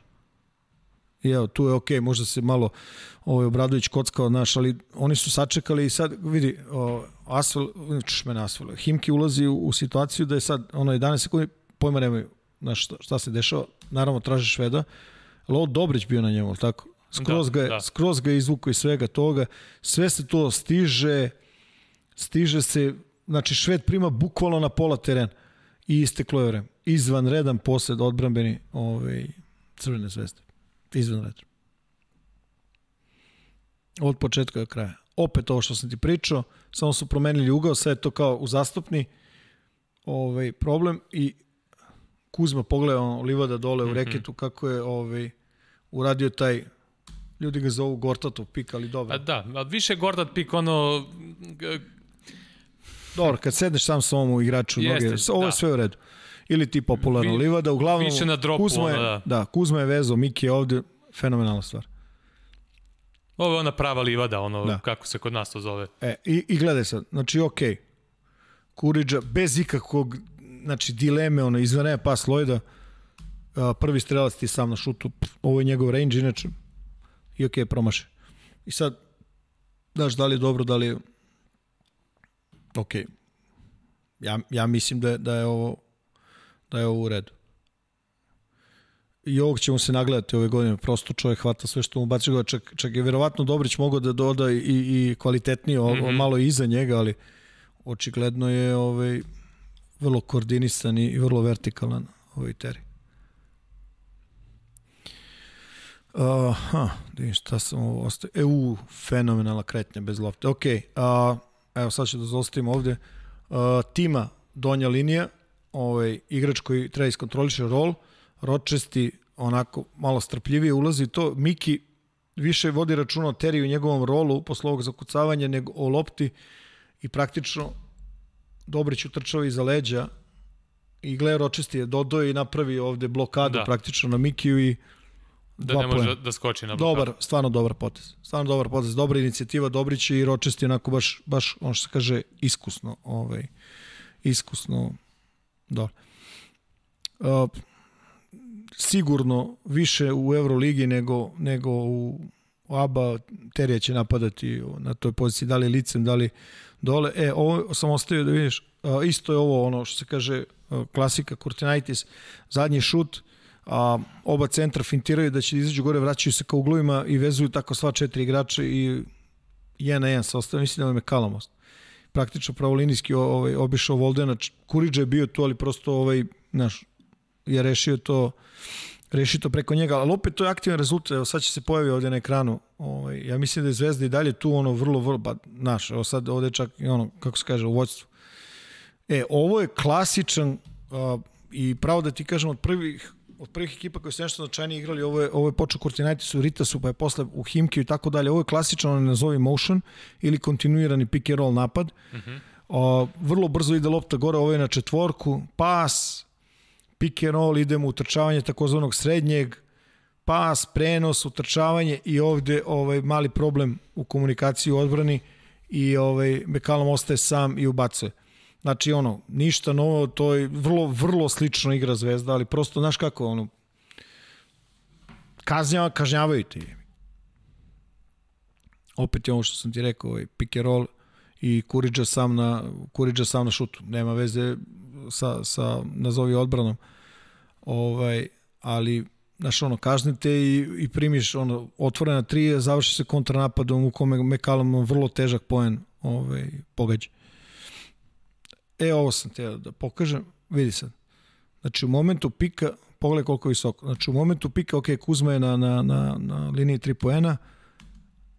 Pogledaj samo još jedan, evo ja ću da, pustit ću live. Pogledaj koliko se brzo zustavlja na kako malom prostoru. A pritom je hol na leđima. I pogledaj kako se baca napred, skraćuje mm -hmm. distancu. Mm -hmm. Izvan reda. I sve sa čovekom na leđima praktično. Pa, mislim, vidi, to je taj, nazove šut, ono, ovaj, tako kakav je, mislim, ono. Kuzma ovde, znaš, ono, kao rampa i do kraja ovde skok u napadu i dva poena. I mislim da ovo je jedna, verovatno je najbolja njegova partija ovaj, od kako je najbolja partija ove, ove sezone. Ovde mi se sviđa što je vrlo brzo, vidi, ovde Simonović uzeo inicijativu i kao već na, na, na samoj polovini krenuo da, da, da, da natera Šveda da doda i to je izvanredna odluka. Međutim, ono, prosto Himki ima dovoljno kvaliteta i iskustva da te odmah kazni. Čiji Repko, gledaj, ovo, bez ikakve dileme napad ovde kontinuirano i ovo je mnogo teško sada da se brani. Znači, mnogo teško. Znači, strana pomoć je ono, prosto nije, nije imala vremena da, da, ovaj, da, da, da, da reaguje. To je sad ona, znaš, uvijek se kockaš nešto, da li inicijativu odbrani, da će da dovede do nekih nazovi laganih poena ovaj, protivnik. I ovo još jedan pod Mekalam, naš, ono, ovaj, stvarno, stvarno čvrsta zvezda ovde Dinaj Lojda, ne vraćamo njemu, ne može ovde Dinaj na, na Švedu i vidi šta se desi. Pre ovoga je tima imao 1-6.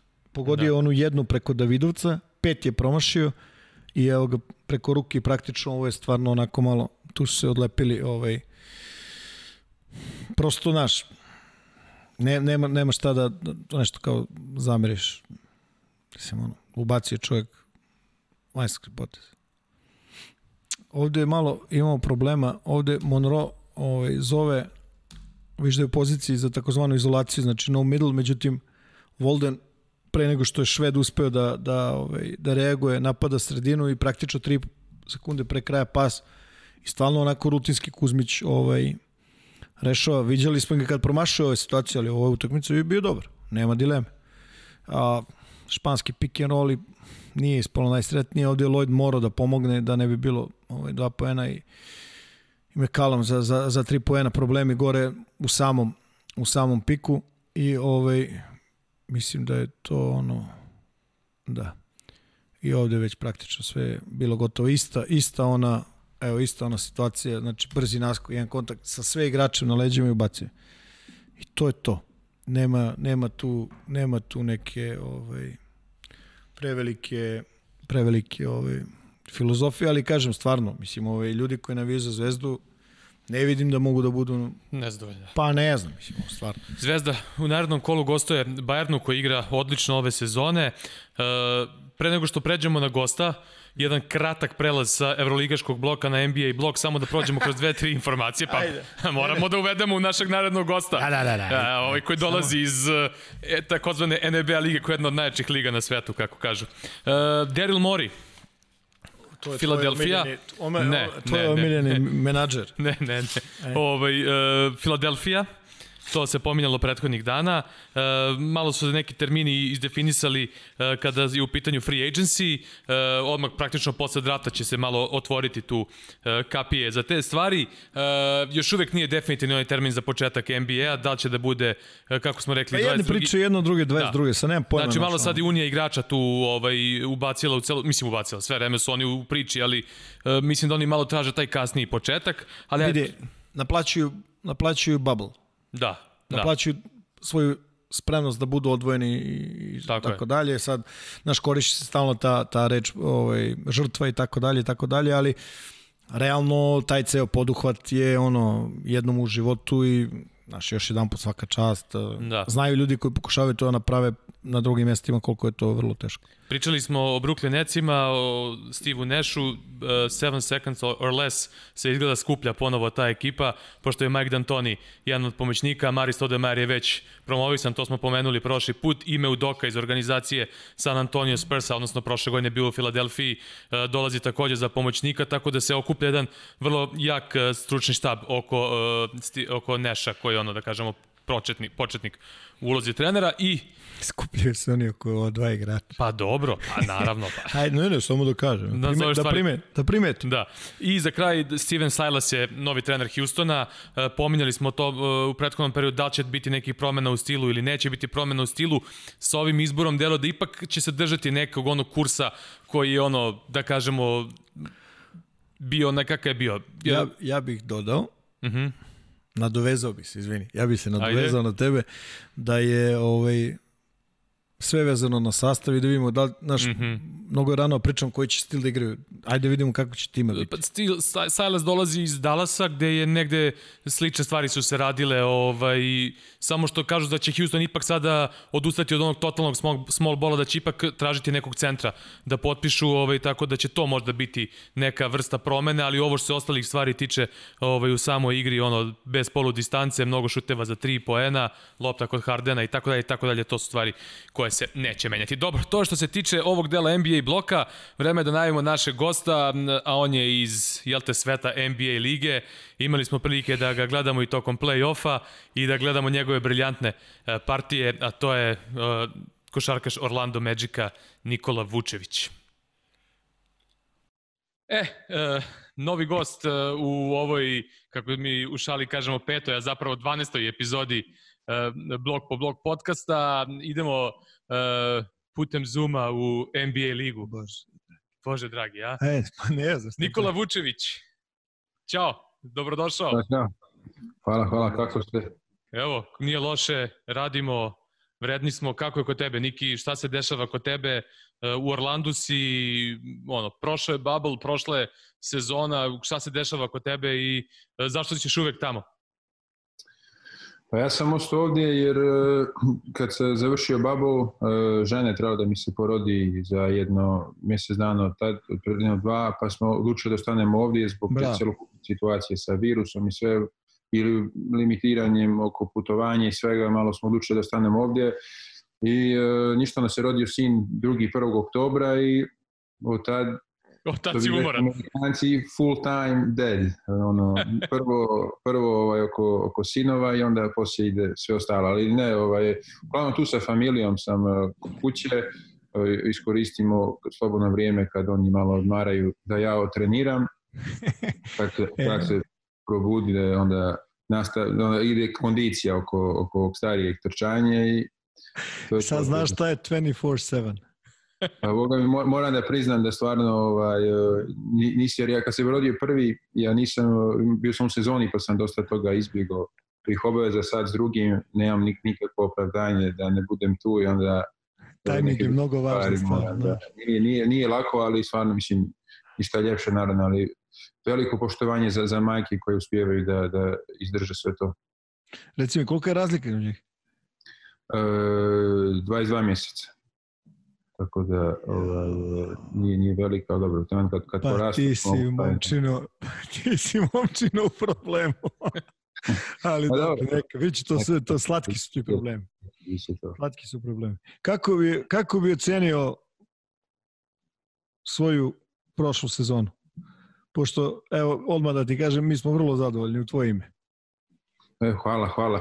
Pa iskreno, e, početkom sam ono, u prvih 5 do 10 utakmica onako i onda sam imao nekoliko odličnih utakmica, no, međutim se desilo povreda, a mislim da se nije ta povreda desila da bi igrao još bolje nego prošle sezone od samog početka. Ovo, stvarno sam, ono, mislim malo me svjetsko putovanja, sve to poremetilo, onda dok sam se vratio, ovaj, taman kad sam krenuo dobio sam bio nagradu za igrača nedelje i taman sam se onako osjećao fizički odlično i tad se povrijedio i onda je to je malo poremetilo i poslije kad sam se vratio Mislim da sam tek od All Stara vratio pravu formu, ali međutim ona se opet desio prekid, međutim ovaj, to zbog korone, Da. ali ovaj, onda kraj je bio ovaj, odličan u, bablu i playoff, tako da rekao bi početak onako dok sam ono, malo došao sebi i poslije, onda kako sezona micala sve bolje i bolje. Ali što u svemu zadovoljan sam najviše zbog uh, playoffa.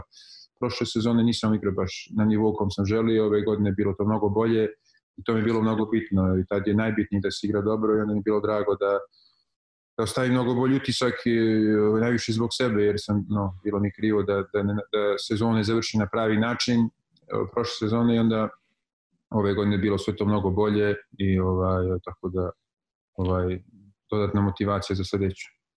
Pa pravo ti kažem, naš ovaj, ja mislim da sad definitivno možemo da pričamo o tome da si ono unapredio igru u napadu ovaj, u toj fazi lice prema košu. Znači tu više nema dileme i ne može da se priča o tome da je to, kako bih rekao, povremeni ovaj povremeni deo tvoje igre, definitivno, ja mislim, ono, postaješ, što se kaže, u tim nekim NBA uslovima, ono, moderna, moderna petica. Da.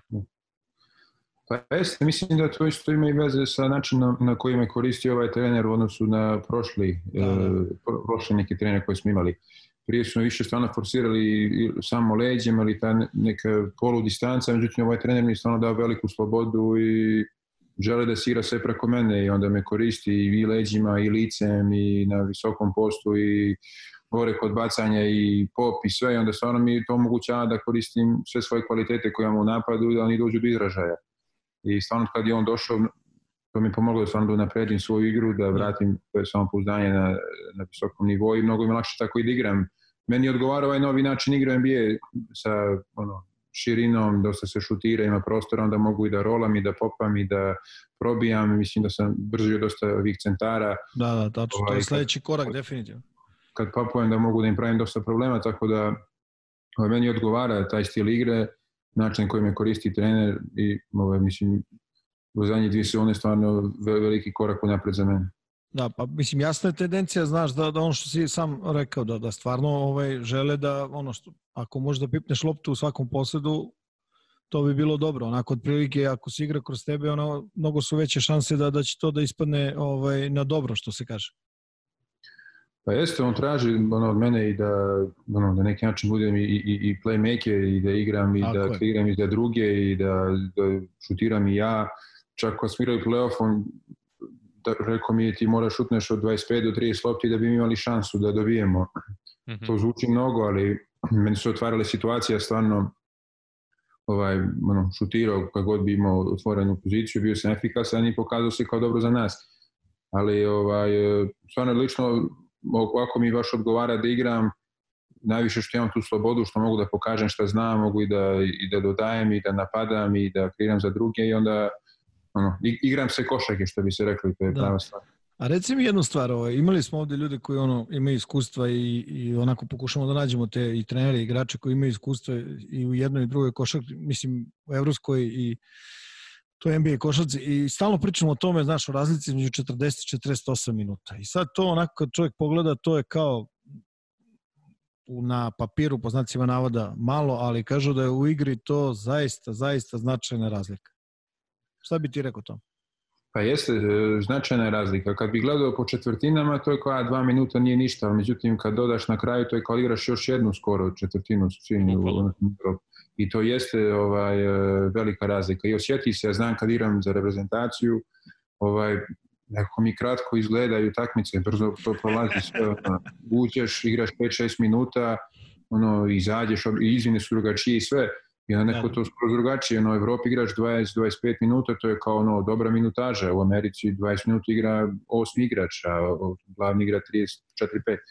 I onda ima, do, velika je to razlika. Ovaj, I pogotovo isto što se u Americi igra dosta brže. I onda Već taj tempo, tako, da, da. Taj, taj tempo koji se pogotovo sad u zadnje vrijeme forsira i ti dodaje ta duža utakmica što traje, osjeti se to dosta ipak.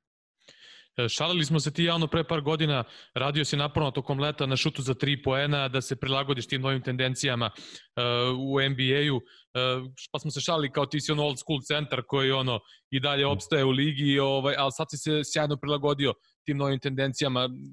Kad bi upoređivao tvoj ulazak u ligu i prilagođavanje sa NCAA na NBA i ovo novo prilagođavanje, šta ti je bilo komplikovanije da, da, da uradiš u, u tom nekom periodu svoje karijere? Dobro pitanje. A, a rekao bi iz NCA u NBA ipak, e, to je bio malo onako, da kažem, ne šok za mene, ali ono, da kažem, u, UNCA, ono, pogotovo zadnja godina bio sam ono, dosta dominantan, imao sam ono, prosjek 17-18 pojene, 10 skokova i lagano sam igrao, bio sam fizički jači od svih. Da sam došao vam u NBA i onda ono, kreneš da što bi se reklo da zidaš kad ono ne pomjera se ovaj nigdje ne ide i onda shvatiš da je drugačije i da se igra mnogo brže i ali najveće mi je u stvarno u početku bilo uh, razlik odbrana u NCAA u reket staneš, čekaš, a širiš ruke i ono, a ovamo ono, tri sekunde pick and roll izađi, udvoji ove velike igrače, pa se vrati brzo. bilo je, bilo je teško, trebalo mi stvarno dosta dugo da se, da se naviknem i takođe to što igraš svake dva, tri dana, odnosno na NCAA potpuno drugačije.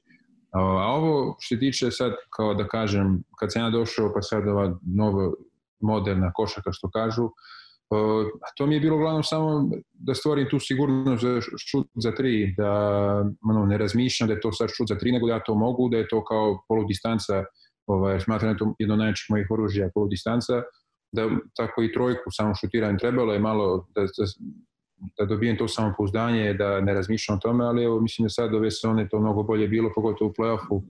Ovaj, I stvarno mi to puno pomoglo, ne zbog samog šuta za tri, nego, kao što sam već rekao i ranije, kada ono popujem pa izađe, iako sam pogodio jednu, dvije, centar će da izađe, većina njih, i mislim ja sam isto lično, teško je za centra da izađe sad da zatvori Just.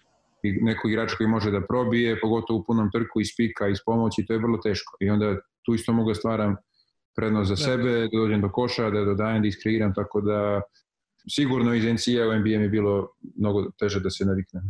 Uh, gledamo malo tvoje brojke, eto, imali, imali taj duel protiv Milvokija, ovaj, u play-offu gde si imao neverovatne brojke, prosek 28 pojena 11 skokova, šutirao si preko 40%, skoro 41% za 3 poena. Mi smo ovde analizirali stalno i play-off i Milwaukee kao ekipu koji je tim koji generalno zatvara reket i e, dozvoljava veliki broj šuteva za 3 poena. E, tvoju karijeru kad pogledamo, to su zaista sjajne brojke i samo u svojoj ruki sezoni si imao jednocifren broj poena u proseku i jednocifren broj skokova i još dva puta imao jednocifren broj skokova koji je bio tu na pragu da bude 10 u proseku. Zaista ti kroz celu karijeru praktično imaš double, double, double. Uh, a vezano za, za to što si rekao, protivnici, odbrana u NBA-u i taj prošlogodišnji playoff koji si promenuo uh, protiv Toronta. Imao si prilike, praktično čuvao te Mark Gasol, koji je godinama bio jedan od najboljih defanzivaca. Ko je neko od igrača ko, protiv koga ti je najteže da igraš kada si ti u napadačkoj, na napadačkoj strani? Pa šta da, meni nije uvijek toliko igrač kako, je, kako ekipa brani. Mm -hmm. uh, recimo, Gasol je stvarno nezgodan, pogotovo meni, jer je ono, velik je, ogroman je i pametno igra obranu i ne daje ti ništa. Ono, sve, protiv njega sve moraš, ono, da, da sve moraš da se izboriš. Fizički je jak i ima ga i onda nije lako ovaj, protiv njega igrati. Mm -hmm. uh, ali, Izvini, međutim... on čvršći je nego što izgleda? To je ono što je stalna neka priča, znaš, o njegove častine. Mislim, on je generalno nije daleko od toga da je, da je ono što ti sad kažeš, stvarno nije ono, u odbrambeno je vrlo, vrlo sposoban igrač. Da. Iako ljudi misle drugačije. Da, meni kako on u odbrani čvrši nego što u napadu, recimo kad on napada u da. napadu, da. on voli da ono odigra, da se baci u fade away neki teški šut, a u odbrani mnogo čvršći, mnogo dobro zatvarate uglove i i dobar je, dobro napadao loptu onda sve to zajedno onaj, ono, nezgodan je za čuvanje. A meni protiv Toronto prošle godine, ono, oni su ono fokusirali bili čitavu obranu na mene i još e, i on i onda nisi se baš najbolje snašao i nisam ono odreagovao dobro, malo sam se poslije ja počeo da razmišljam, ono, poslije prve takmice sam malo loše odigrao, moram bolje i bolje, onda je to ono ušlo malo meni u glavu i nisam se izvukao iz toga na najbolji mogući način. Ali što tiče ako igrača, pa on je među njima, iskreno ne znam, nema sad neko što bi ja rekao da mi mnogo teško padijem protiv njega, mislim da protiv svih ono, igrača koje sam igrao, svi ovi centri najbolji, sa svima se dobro nosim, ono, protiv svih igram normalno i obrani napad, ono, nema, sad možda prije bilo ovih igrača, ne znam, Garnet, ono, Aha, ovi da, da. stari, e, može, ovo, može, ali, može, može i to. Da. Može i ta priča. Prije, mislim, bio je, bio ono, naravno, ono, Garnet, uh, se sjećam se, jedna utakmica je bila, ja se razigrao, mi u Brooklynu igramo i tad bio tamo, ja se razigrao, igram dobro i zadnjih šest minuta njega samo ja ga uzimam, ja sam primio loptu jednom i ono krenu, to je, mislim, bila moja druga godina, tek, tako nisam ja sad ni bio, ono, ili treća, ono, još na tom nivou, ali ono, vidio sam da neće to biti baš kako sam ja zamislio i onda nisam, mislim, ono, ja sam pokušao da primim loptu, nije bilo šanse, ono, centar spune ogromne ruke, pa ono, on malo povuče, ono, pa je krenuo nešto da priča, ja nije htio da progovorim, ja samo svoja posla, ali ovaj, on, ko je još bio, sad ne mogu se da sjetim, Recimo, ali... imaš veći problem sa ovim, sa ovim, nazovi dužima ili sa snažnijima? Pa rekao bi s dužima. Ovi snažni uglavnom ja onda ono, izvučem ih pa onda igram ono licem Možda više. Možda oko njih, da, da. A ovi koji su ono, ono visoki i to pa nije lako ono, sad ako je ono malo spori pa mogu da ga napadnem i to ako ono, dođeš do koša opet on je tu jako malo kasnije nije lako ovaj, sa, sa tima ono, gore čekaju ako su još dobri u tajmingu i znaju da blokiraju i ne, ne reaguju na fint onda je malo, malo nezgodno. Ja nekako onako bez neke dublje analize, nekako mi uvek upadne u oko da protiv Majamija i protiv Filadelfije igraš fenomenalno. Ili to ima neke veze? Ili je to slučajno, samo ti prija njihov stil igre? Pa mislim da to više ima se... Ja mislim protiv Majamija da uvek imaš jedno 20 skokova, to je čudo jedno, čak i u onoj eri kad je bila velika trojka. Pa jeste, a tada nisu stvarno imali nekih centara, ono, viso, ono, nekih visokih igrača puno, da mene uglavnom čuvali neki niži načine koji su oni branili, meni to odgovaralo, meni se dosta otvarala pozicija da idem u skoku napad i obranu i onda ono, šta znam. A, pitaju me često isto to za ovde, ali stvarno nema neko objašnjenje, mislim da stvarno načine koji oni brane, da li mene, da li visoki igrače, meni se otvara dosta pozicija. A, a protiv Filadelfije isto tako, ono, isto to što sam pričao u početku protiv Embida, ono kad ga izvuče meni to odgovara jer on ne može da mi isprati onda mogu da ga napadam. Onda naravno drugu stranu kad on krene da igra leđima, meni je naravno to ono, teže s te strane, ali kao što sam rekao, ono, mislim da protiv svih centara koji najboljih ima načina koji ja mogu da ih napadam i da, da im pravim probleme.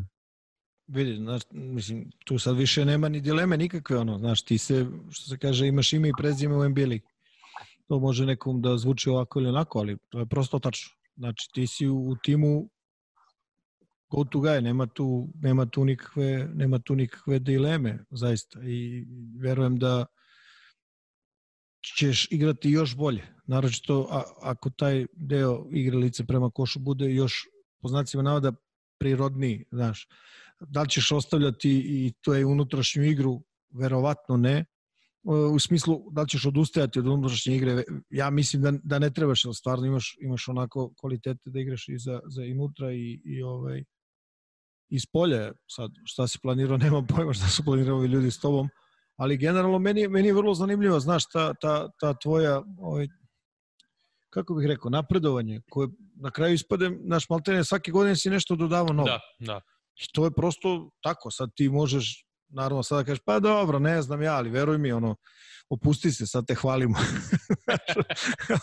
ovaj, stvarno, mislim, ono, ne znam, Šta te vuče generalno? U samom vrhu si, ne znam. Šta te vuče kroz, kroz NBA karijeru? Uh, ono, ulazak u ligu, dokazivanje, tako dalje, tako dalje. Uh, verovatno si negde u nekom periodu jedva čekao da dođeš do, ne, do play-offa, pa ne znam, došli do play-offa, evo dve godine s redom, došli si do All-Stara. Koji je sledeći, sledeći neki cilj koji te vuče u karijeri? Pa ono, samo uvijek više, uvijek ono, da postigne što više, da stignemo što dalje. Ali iskreno, e, kad smo imali teških sezona u Orlandu, nije bilo lako. Ono, mm -hmm. Zato igraš i, i daješ sve od sebe, i, ono, ali pred kraj zadnjih 15 20 utakmica kad ono, pored imena Orlando Magic 100x, ono, eliminated, nije, nije lako. Ali ovo sad, recimo, prošla sezona kad uh, ono, sam stigao do All-Stara, pa smo ušli u playoff, pa onda opet ove godine dobio sam još veću motivaciju, ono, mm -hmm. nisam se zadovoljio kao i stigao sam All-Star jednom i kao to je to, ja bi sad, meni je bilo krivo što opet ove godine nisam, mislim da bi bio da nisam se povrijedio. Pa onda playoff prošle godine loše sam odigrao, onda ove godine velika motivacija da, da odigram bolje, sad sam odigrao dobro, pa bi još ono bolje ili da nastavim ono, na taj nivo odigram, tako da kad mi se dese dobre stvari, kad ono, nešto dostignem, dobijem još veću motivaciju da još više uradim, da još više napredujem. Pogotovo kad dobiješ taj respekt od drugih igrača, kad vidiš, kad igraš utakmicu da oni čuvaju tebe na određen način, da treneri se fokusiraju na tebe, kad to, te stvari vidiš, me to daje dodatnu motivaciju da ja ono, dokažem da još tu pripadam još više, da ono, mogu da idem i dalje i jednostavno ne znam, ta motivacija da uvijek želim više, da uvijek želim da Pa ima tu još jedan... Da, da, izvini, izvini, izvini, izvini. Ne, ne, kažem, mislim da sam kroz godine to, ono, kroz iskustvo shvatio još bolje, da ne treba nikad se zadovolji, nego treba da uvijek idem dalje i dalje. Mislim, svi najbolji igrači, u Lebron, 35 godina, ono, Bože nije bolji nego kad je bio prije 2-3, jer je malo fizički, ali on je, poslije kad je stigu u Cleveland, poslije Miami bio još bolji igrač, to je su smisli misle da je to nemoguće. Da što reče Saša Pavlović ovde baš kada je bio kod nas, ono, on iz godine u godinu dalje napreduje praktično. Pa jeste, da. nešto, nešto doda ili, ili ostane na istom nivou, što je, što kažeš ti kad počneš da stariš, to je već ono samo po sebi u, samo po sebi usak. Šta bi rekao da je recimo nešto što možda očekujemo u sledećoj sezoni od tebe? Šta znam, ništa sad, ja posebno ne razmišljam, treba nešto da dodam, jer ono, mislim, da, ja radim na svim aspektima svoje igre, non stop kad treniram, ono, individualno ili kad igramo 5 na 5, među, ono, međusobno ovdje ovaj pick up i to je, trudim se neke nove stvari da donesem, ono, da sebi lakšam, ali ono, to znam, to, to licem koše, mislim da stvarno to možda i dosta pomogne, pogotovo sa trojke, sa visokog posta, jer dosta me udvajaju na, na post i onda ponekad nemam tu puno prostora, mnogo je teže da mu odvajaju gore ako sam na kapicu ili na, Sigurno. na, na laktu, da odatle mogu budem efikasniji, pa to je nešto što sam dosta radio dokom pauze kad je bio zbog korone, na tome sam dosta radio i taj šut za tri poena, mislim da ako to dovedem do baš visokog nivoa, da će mi to pomogne da još, još lakše igram. Sigurno, promenit će način na koji te čuvaju u tom close-outu. Generalno ti i sada praviš probleme, ali mislim to može da bude i bolje. Ima tu još jedna stvar, naš koju ljudi ovaj, dosta onako um, ponekad previde, duše, ovaj, to je taj nazovi rating kod sudija. Znaš, da tebe može da ovaj, još, kako bih rekao, mogu bih da, da izlačiš još više nekih penala, faulova na samom ovaj, u tim nekim situacijama, što će naravno ti olakšati ovaj, olakšati igru. Nešto me zanima, Nikola, da bi te pitao, ovaj, kako, kako tebi odgovara taj ritam NBA? Da, da praktično se igra veliki broj utakmica, znači taj regularni deo, deo sezone se završava, znamo u kom broju dana i jel, jel ti u, za tebe jel, jel to ok da, da, da recimo brzo moraš da za, zaboraviš utakmicu koja je završena? Koliko ti je trebalo vremena da se navikneš na takve stvari?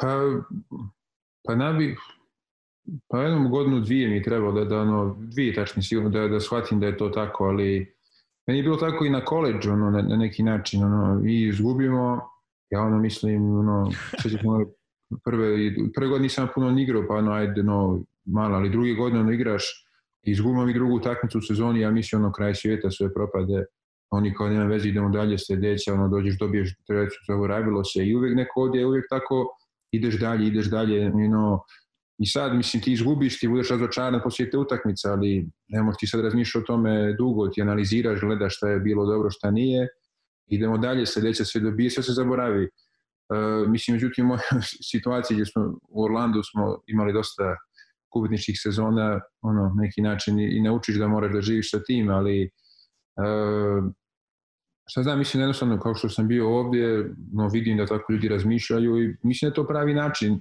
Naravno, drugačije kad igraš u Orlandu gdje mi ono, se borimo za šesto, sedmo, osmo mjesto ili recimo ako igraš za sad Lakers i Clippers gdje je to potpuno drugačije, ali uh, jednostavno ljudi imaju takav mentalitet ovdje da šta god da se desilo, desilo se, učimo iz toga idemo dalje. Mislim da je to dosta zdravije. Zdravije je mnogo. Da se tako igra, nego kod nas izgubiš utakmicu ako si, ne znam, Zvezda ili Partizan ili budućnosti i ono, kraj gotovo, nema, ono, svi idemo kući, nema, uzima se plata, ne znam, ono, u novine kao da si ne znam šta uradio. Mislim, to je previše malo, ja mislim na kraj kraja ovo je sport, igraš, dobiješ, to je sve dio sporta, dio ovoga čime se bavimo, naravno bi svi volje da dobijemo stalno, to je nemoguće, onda moraš da naučiš da se nosiš sa tim, da si spreman da zaboraviš i da ideš dalje.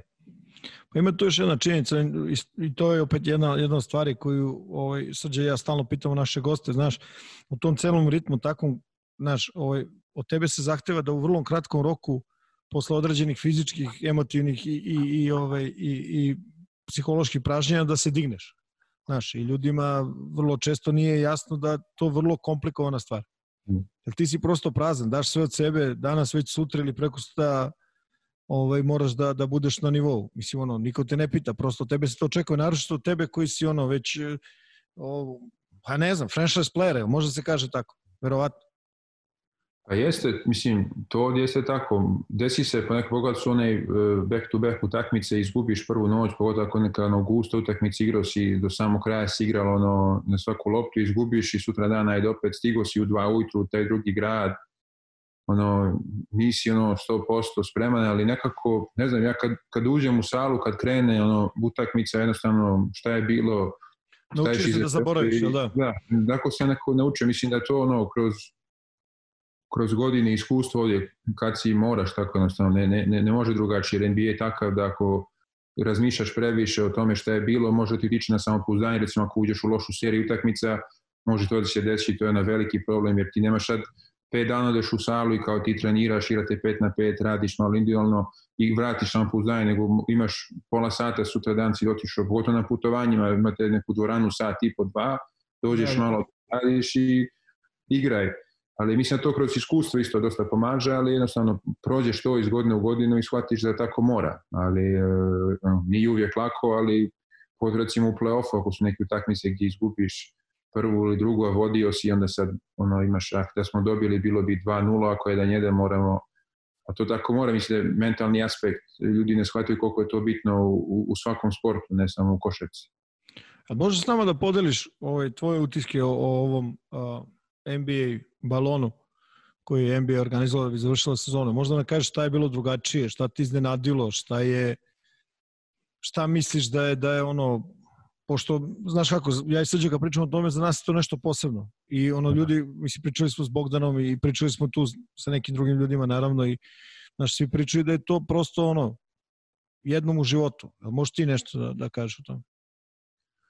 Ja bih mogu stvarno, ono, da, da, prvo da kažem da je NBA ono, napravio nevjerojatnu stvar, da je uspio to da organizuje, da je sve to prošlo bez ikakve greške, e, bez jednog slučaja e, pozitivnog e, na virus, da sve završilo ono, bez ikakvih problema, sve što ono, je bilo kad se desilo, kad smo igrali s Milwaukee, pa je bio taj prekid od par dana, ali to je mislim, bilo nevezano za sami bubble u stvari. Ali ono, stvarno dok, dok, se, dok nismo otišli tamo u početku sam ono razmišljao kako će biti, šta će biti, kako se to da izgleda, da ćemo moći, kako bez navijača. A onda kad dođeš tamo pa vidiš ono kako su oni to sve organizovali, da sve živo što ti treba u stvari, da ti treba da se spremiš da igraš utakmicu, imaš, onda shvatiš da je tvoje samo da prihvatiš da je takva situacija i da odigraš. Mislim, sale za treninge su bile kao naše dvorane, što imamo s tim što smo to pravili onim velikim halama za sastanke u u hotelima ili su u nekim hangarima, ali ono parket, koši, sve to NBA, teretane odlične, sve što treba um, za oporavak, sve su klubovi kupovali i bazeni što su ono, naduvavanje pa sipaju led, vodu, znači ništa što nama je trebalo, što ti je neophodno da imaš da igraš, sve je tu bilo što tiče hrane i svega toga, same organizacije.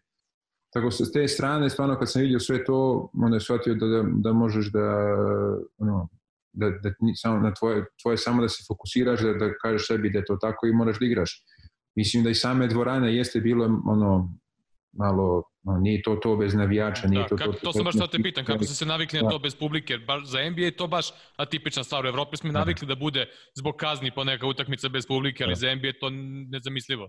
Pa jeste, mislim, jako ovdje nije navijenje kao kod nas, sad ono, ništa ne čuješ, ali opet imaš 20.000 ljudi, sad nek, nek tapše svaki drugi čovjek, to je 50.000 ljudi, to opet buka, čuješ, e, muzika, uvijek se nešto dešava, ima to svoje. To je bilo u početku stvarno malo čudno, ali ovaj, e, oni su opet u, tu, u salama stavili te neke ekrane, pa virtualne fanove, pa e, muzika stalno neka, pa svjetla, sve to, pa je malo pomoglo i onda bilo je stvarno mračno oko terena, pa onda i dok igraš ti ne vidiš to, ne, to se najviše sjeća recimo playoff, pa kad su oni trenuci ono pred kraj ili neki bitan šut ili nešto, pa ti ga daš ili nekoga daje, ono, ne čuješ ono ili publika kao, ti prosto. E, to ti nedostaje jer ono kao igrač da, da. i se hraniš time i onda to je jedino što je mene baš da kažem nedostajalo dok smo igrali, sve ostalo stvarno je bilo na vrhunskom nivou Ne, ne, ne bi imao šta da, da, da kažem da je bilo loše. Ono, naravno, mislim, dosta i familija, prijatelji i sve to, ali ono, pored toga, ja ne bih mogu ništa da kažem loše o tome. Da, da. Bilo je dosta, bilo je dosta komentara recimo na, na suđenje u smislu e, da li to što nema publike u hali utiče na sudijski kriterijum da, da je malo blaže, odnosno da lakše sviraju faulove. Da li, je, na, da li si to primetio i da li je na vas igrače uticalo, odnosno kako da se izrazim, a da ne zvuči, ne znam ja, e, da li je u nekim teškim trenucima utakmice manji pritisak bio, da tako kažem, sad kada nema publike ili, ili je potpuno ista priča? Pa da li je ono, ono manji možda nije no, da kažem... Ne, ne znam li si me razuma, da, da ne, ban, da, da ne ispadne da, da banalizujem da situaciju. Ono, nije jedno sad manje, ali drugačije, jeste pa drugačije, mislim, kad igraš pred 20.000 ljudi u, ono, u gostima, i ono, svi ti zviže trebaš da daš bacanje isto kao kad ono, na ekranu ti stoje virtualni fanovi, naravno to je drugačije, ali sad znam, mislim da su igrači navikli kako smo ono, kako smo igrali prvo te prijateljske, pa onda ove kao osam utakmica i regularne sezone, da smo se navikli i da je to jednostavno tako bilo sad. Jeste, nije bila ta prenos domaćeg i gostujućeg terena, ono bilo jednako za jednu i drugu ekipu, što tiče tih stvari, ali ono, da. Reci mi, gde voliš nije, najviše da igraš? Nije to bilo idealno, ali je odnosno na situaciju bilo odlično. Gde voliš najviše da igraš? Pred kojom publiku? Ko te nekako ovaj, digne da, da, da, da odigraš bolje? Pa Boston, uh, mnogo volim da igram tamo, oni no, znaju košar koji poštuju, jako ono, gostujuća ekipa odigra dobro neki igrač, ono, poštuju to i znaju da, ono, da ti tapšu i da te ono, nagrade. Uh, da nagrade ako je to ovaj, uh, ako je, zaslužiš. Uh, Filadelfija je dobra publika jer oni su ono, oni su recimo suprotnost od Bostona, oni su onako dosta teški, ono čak i za domaći tim, ali ono dosta su glasni. Uh, Pominjali, a, pominjali smo to baš jednom prilikom ovde. da. što, što je Kevin Hart rekao da su i psu zviždali kad nije uhvatio frisbee.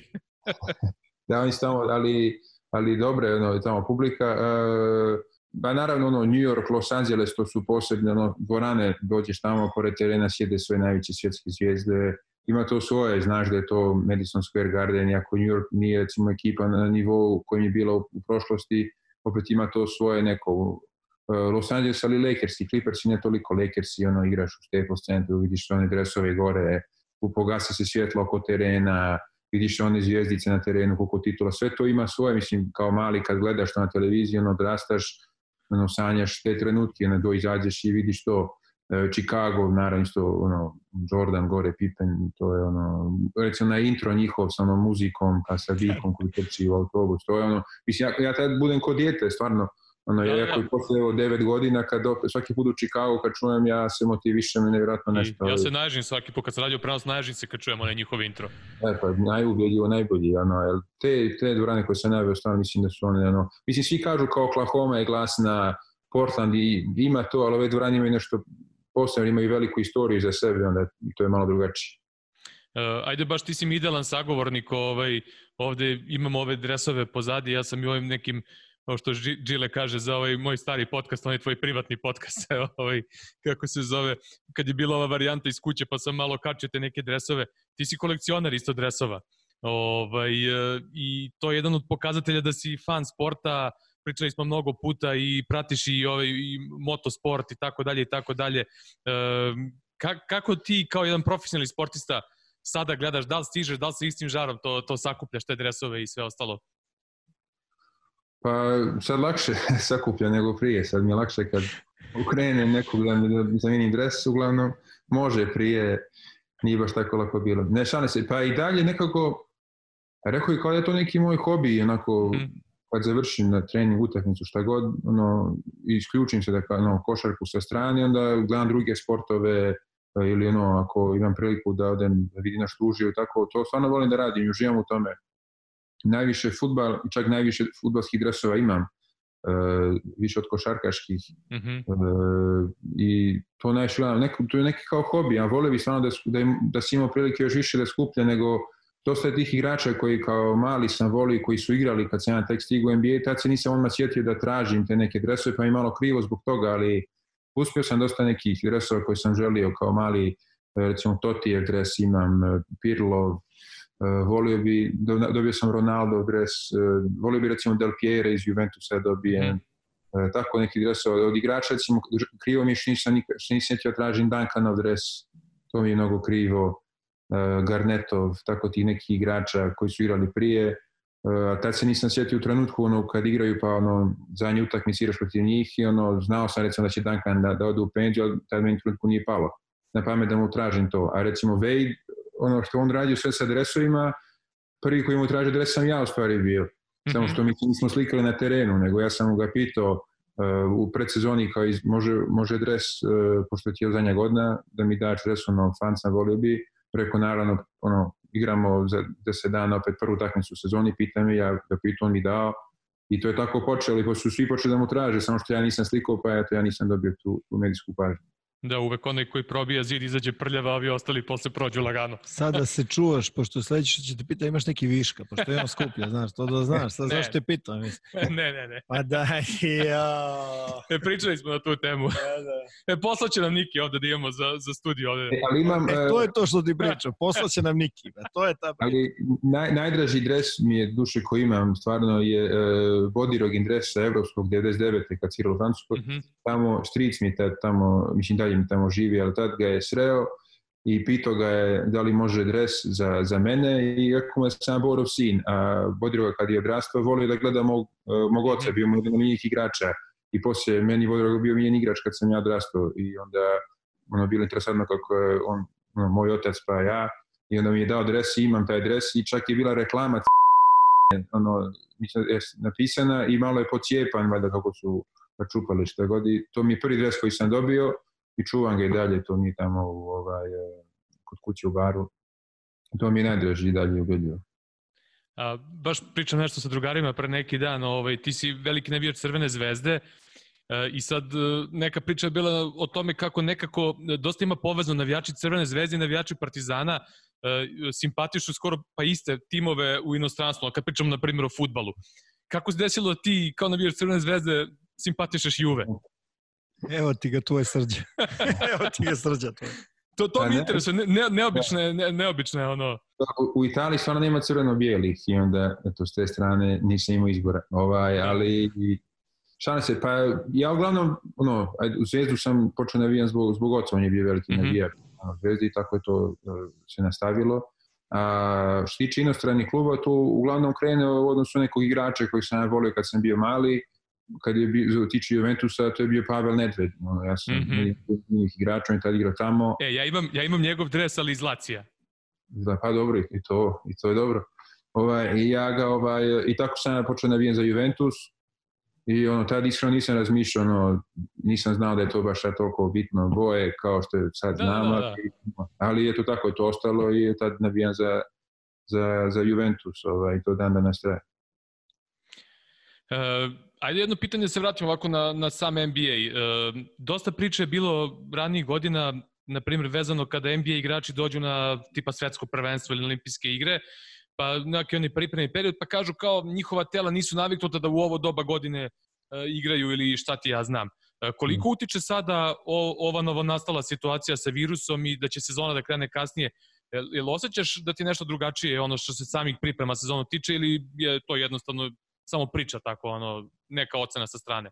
Ja iskreno i dalje mislim da je ljeto. Da. potpuno sam ovaj, pogubio što se tiče datuma i vremena. Baš, baš, ja. jer ja sam navikao, no, mene kako godina kad kažem kao je sledeće godine, ja ono, to mi je od septembra do, no, ne znam, maja recimo. Tako meni su, nisam nikad godine gledao od januara do decembra, nekako uvijek mm -hmm. ono ljeto odmaram, onda kada godina mi je kad igram i nekako tako sam to u svojoj glavi napravio raspored sad vidno se sve porometilo i ono, meni nije mi ono, ja dalje, još ajde ovdje je lijepo vrijeme, stalno sunce, onda sve razmišljam dalje ljeto, ono da se sjetim sutra je prvi novembar. Mm -hmm. Ali, uh, pa bit će malo nezgodno, jer obično mi u ovom trenutku počinjamo sezonu sad. Ako krenemo 22. decembra, što bi ja lično volio, mislim da će biti ok, jer ono malo si pomjerio, nije strašno, ali već od sledeće sezone se vraćaš u neku normalu. Ako krenemo u januar pa to ode u jul, to onda već na sledeća malo kasnije da to već uđeš u malo ono, veću promenu i mislim da će to biti ono, komplikovanije jer gubiš ljeto, a nekako si navikao ti uvijek ljeto slobodno, tad su ti svi slobodni, stari ono, prijatelji i putuješ i sve.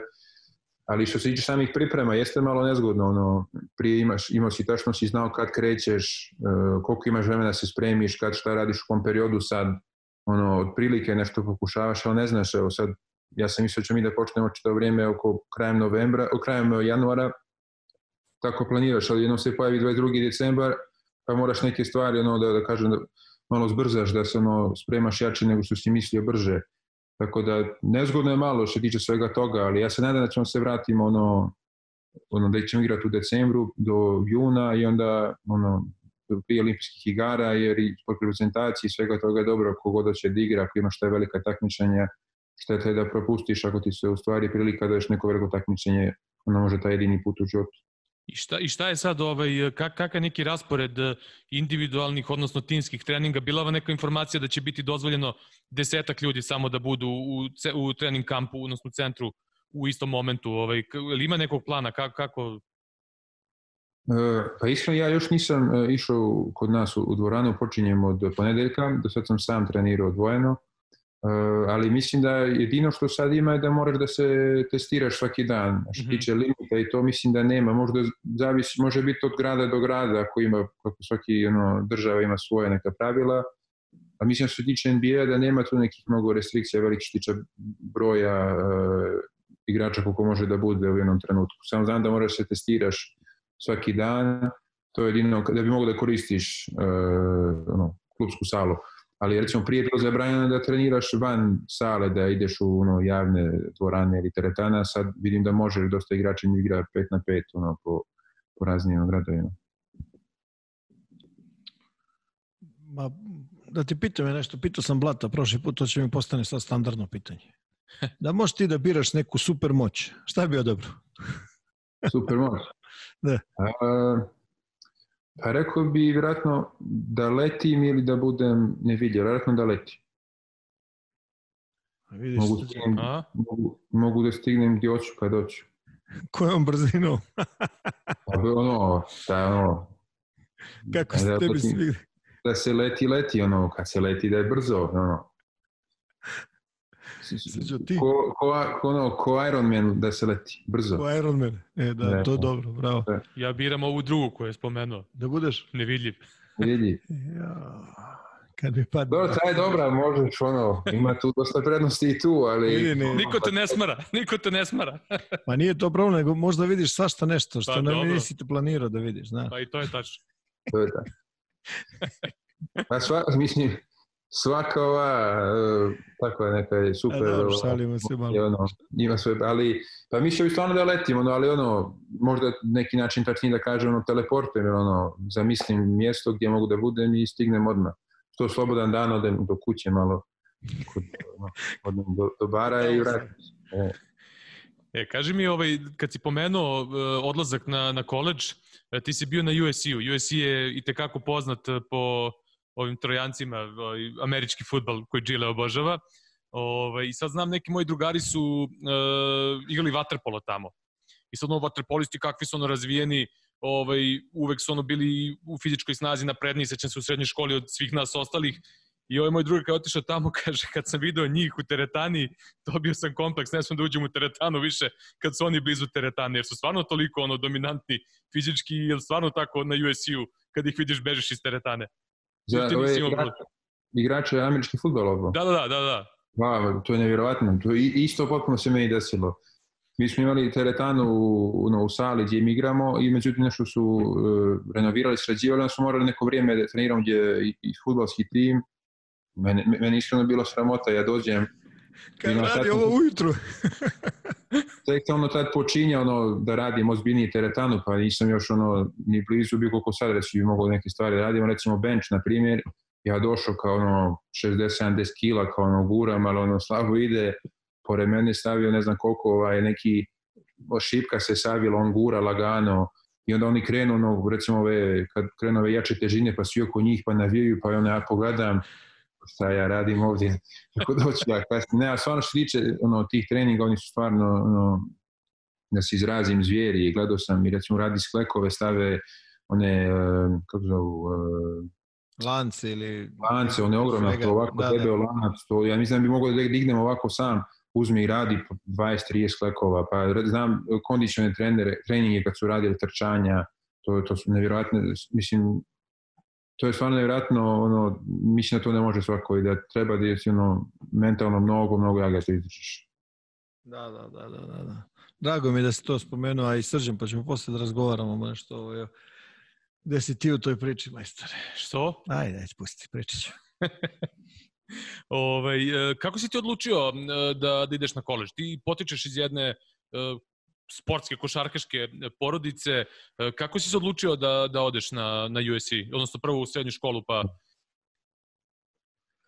Pa bio sam, imao sam 16, 16 godina i ono, bio sam da kažem na, na prekretnici da li hoću da odem u neki klub u Evropi ono, pa da potpišem profesionalni ugovor i da ono, pokušam tako ili uh, Amerika, Amerika na, na, mi se ono, ideja nam se pojavila preko porodičnog prijatelja Nikole Dragovića, tačnije njegovog oca Vita Dragovića koji on je bio na UCLA-u, mm -hmm. mi porodični prijatelji, on mi je to predlagao i ono, kako po, po Evropi se ništa nije ono, otvarao što sam ja, što smo mi zamišljali, što smo mi htjeli. Otvori mi se situacija da na srednju školu vamo blizu Los Angelesa, tamo bio jedan trener iz Francuske koji je dosta dovodio te djece najviše iz Francuske i meni se otvori situacija da idem tamo, e, prilika što da idem tamo i ono, to je u početku bilo kaj da pođem, da, godinu dana da probam, da vidim, pa ako ono, nađem školinu, ako to bude dobro, super, ako ne, uvijek mogu da se vratim. E, I međutim, to ja sam ono, na, nakon malo razmišljanja, odlučio sam da pođem e, tamo i ono, igrao sam tu godinu, USC me vidio, ponudili su mi školarinu i onda sam odlučio da ostanem. Ja lično mislim da ono, meni, za to meni bio pravi put, naravno i zbog košarke, ali mislim najviše zbog mene ono, kao osobe, jer odvojio sam se ono, od, od familije, morao sam malo da, da ono, sebe nađem kao ličnost, da ono, se odvojim, da se samostalim, da neke stvari naučim sam da radim. Mislim da mi to dosta pomoglo i taj američki mentalitet i oni stvarno ono, kao mladi ono, taj rad i sve kako, na način na koji rade tu motivaciju koju oni imaju, oni imaju tu i to samopouzdanje koje imaju kao 15-16 godina mladi, kao ne, ja idem NBA sigurno, oni to vjeruju, oni rade na tome i ne, meni sve to pomoglo da malo promijenim sebe uh, i da ono, shvatio sam kad sam stigao tamo takođe da ja zaostajem u stvari fizički protiv njih, meni prve dvije, tri utakmice koje sam igrao sam dao po dva, četiri pojene, meni smiješan sam bio i na poslije vremenom sam stvarno mnogo napredovao fizički i, i naučio mnogo toga i to mi je pomoglo u stvari najviše, mislim da mi to više čak možda pomoglo nego ako šarkaška strana, mislim da bi to i možda i u Evropi dobio neki način, ali ovo vamo gdje sam se skroz bio dvojio i sam, mislim da mi to pomoglo da se mnogo stvorim, e, da ono, napredujem kao ličnost i da mi to najviše pomoglo. Ali e, to se tako desilo, preko zajedničkih prijatelja, ta ideja, mi smo poslije tražili, otvorili su mi se te e, situacije, prvo srednja škola, poslije USC sve ispalo dobro. Da, znači generalno potpuno si zadovoljan time, ne bi ništa menjao što se kaže. Pa ne bi, ne bi ništa menjao, stvarno, ono, prelijepo iskustvo i na, na, pogotovo na, na koleđ, no, nevjerojatno neko iskustvo za mene, no, i što tiče i košarke, ovako van košarke i druženje, mnogo ljudi sam upoznao koji su mi danas prijatelji i ono, bio sam, živio sam u Los Angelesu, upoznao sam i dosta nekih naših ljudi tamo i stvarno, ono, ja sam imao, mislim, imao sam sreće naravno da upanem na vrhunsku školu i da mi se sve ono, posloži da mi bude kako treba, ali ja mislim da taj koleđ ko može na, ode na dobru školu da tu nema greške. Jer imaš stvarno uslove sve kao NBA i što se tiče sale za treninge i teretane i sale za igranje i za oporavak i opreme. Sve. Mislim, ja dođem na USC prvi dan, nosim i dvije vreće, ono, ogromne ako kese za smeće, ono, ne znam koliko, ja gledam šta je ja mislim ono kao najmlađi moram što da bacim, mislim neka ono šala, oni kao to je tvoja oprema, jer šta oprema, ja otvaram unutra, ono, 7-8 trenerki, 10 majici, 4-5 patika, sve Nike, ono najnovije je to, mislim, kod nas nema dan danas, toliko, toliko nema kod nas. Ja gledam, rekao, će se ja došao, šta je ovo, dođem tamo, ono, hoćeš, hoćeš masažu, hoćeš ovo, hoću ono, rekao, hoću daj sve, što da ne da probam. Tako da ne, stvarno što tiče koleđ uslova te najbolje škole, to je ono, nevjeratan nivo i mislim da to i dosta kluba, čak NBA i Evropa je teško ko to može imati. Vidi, lako se ovaj, navadiš na dobro. pa jeste, nije, ali stvarno taj college sistem je odličan, ali opet iz druge strane gledaš ono, sad dobro, ja sam bio talentovan i postojala mogućnost da, da, da, da, da, mogu, da živim od košarke, ali dosta situacija ono, napraviš ti neku karijeru, igraš, ali da li ti možda živiš toga do kraja života je pitanje, ovako Da, da, kroz college opet imaš i, ono, i školovanje i dobiješ i neku diplomu, recimo ja na USC nikad ne bi upao sa svojim ocjenama koje sam imao u srednjoj, ali kroz košarku sam uspio. Sad ja nisam završio školu, sam poslije treća, ali mogu da se vratim da završim, uh, ako hoću poslije nečim da se bavim, imam tu mogućnost, ne, ne daj Bože neka povreda ili nešto to dvoje terena ili te limitira, ne možeš da igraš na tom nivou više, s te strane dobro, mislim, vidim ovdje dosta ovdje kritikuju taj NCA kao prave ve- puno para na, na studenta, studenti ništa jeste, ali s druge strane da nije tih škola, pola tih više od 70% igrača nikad ne bi moglo da se školuju bez toga, tako da ima i toga, ovaj, ali ja samo mislim da taj NCA sistem je odličan i način rada i sve stvarno je napravljeno vrhunski. Znaš šta, ima jedan sam iz, iz nekog trenerskog ugla, recimo, ovaj, uh, uvek imaš problem, u stvari ne, ne mogu da kažem uvek, u većini slučajeva ovaj, imaš problem kada, kada radiš sa rukijima. Znači kada dođe u Evropu igrači koji ono dolaze i ok, ti naravno ovaj, kao što je tebi treba neki period da se navikneš, tako njima treba period da se naviknu ovde i to je sve normalno i očekivano i prihvatljivo i to moraš da nekako ukalkulišeš u celu priču. Međutim, meni uvek neko, ovaj, jedna stvar mi je uvek, eh, nije, mislim, nije mi smetala, ali, ali mi je baš onako značajna i baš bi tebe da pitam nešto. Mnogo njih dođe sa, sa koleđa, ovaj, eh, prosto im je usađeno u glavu da je način na koji su igrali na koleđu jedini ispravan. Razumeš? Da. Ono kao, our way, the best way. I onda dođeš u, u Evropu i vidiš da u stvari to nije tako. Da ima mnogo različitih načina na koji može da se igra i u napadu i u odbranu na način na, na, na, na koji možeš da po znacima navoda živiš košarku. I nekako igrači koji to brže skapiraju, bolje prođu. Nema tu, nema tu puno dileme. I ono što je vrlo zanimljivo, znaš, ima puno, ima puno momaka koji dođu sa dobrih, sa velikih sistema. Ti znaš koje su najjače škole već godinama u NCAA i tako dalje. Oni nekako stvarno imaju problem. Potrebno je zaista vreme da, da im objasniš da, ok, to je jedan deo svog života, tvog života, e, sad je nešto drugo. Ajde, moraš da skapiraš malo, da otvoriš um i da je sad prosto ovde nekako ovaj, drugačije. To je meni recimo stvar koja je onako NCAA, znaš, uvek sam želeo bi recimo da, da, da, da postoji način da, da ih ovaj, treneri a, možda malo bolje spreme za, za sledeći korak u košarkaškom životu, ako me shvatiš. Znači, ne Da, da. pričam o momcima koji su na najvišem nivou. Pričam o tim, baš tim momcima, što kažeš ti, koji bi želeli da žive od košarke, ali znamo da, da taj život od košarke ima stvarno, stvarno jedan širok dijapazon. Znači, velike su razlike između onih koji ono, igraju za, za, ne znam, vrlo male svote novca do naravno onih najskupljih igrača. Ali svi, ono, veruju kao ovo je jedino, ovo je jedino. To mi je uvijek bilo onako vrlo, vrlo zanimljivo. Znaš, ne znam da, da li ti imaš taj, taj, taj utisak, da li si sretao s time, da li si ikad razmišljao ta, o nečemu tako? Pa ne, slažem se s tim jer mislim da tu ima, ima tih nekoliko škola, pogotovo ih jačih koji imaju neke svoje sisteme i sad najbolji igrači u tim školama, oni ne upadaju u taj sistem, oni imaju svoj način i oni kada odu ok, a ovi igrači koji su ono neka sredina, oni na taj način igraju u, u tom sistemu igraju dobro, onda kad odu malo im treba vremena E, to, to sam, to sam teo. Da. Pa ono, ne znam, mislim da toga ima ono svuda, mislim vidi i po, i po Evropi kad se gleda neki igrači koji su igrali u nekim sistemima, igraju odlično i onda odu neki veći klub, malo je drugačije i Aha. nije to to više. Tako da, ono, mislim da to ima veze i, vjerojatno i sa trenerom, malo, malo i sa igračem, možda je on kao igrač, ono, on mo- možda je ono, igrač koji igra u određenim sistemima, možda da, treneri možda i mogli malo, ali opet i treneri gledaju da pobjeđuju i pogotovo te velike škole, Naravno, ono, znaš, sam, Da, ali se slažem da jeste problem, to znam i kad e, no, dođu u NBA neki igrači, vidiš da oni, ono, recimo imaju primjer, nekim školama igraju stalno zonu u odbranu i onda dođe u NBA, ono, ono kakva zona čovjeka, Da, da. on ne zna osnovna pravila, ne da, ono, ništa drugo. Ne, to znam da bude problem, to se slažem da e, bi trebali, ono, znaš kako, to, ali, sto puta mi se desilo da kaže, ali mi smo ovako, čekaj, stani. da, sad je nešto Da. malo drugo, ajde probaj da se prilagodiš ovde, ajde da vidiš,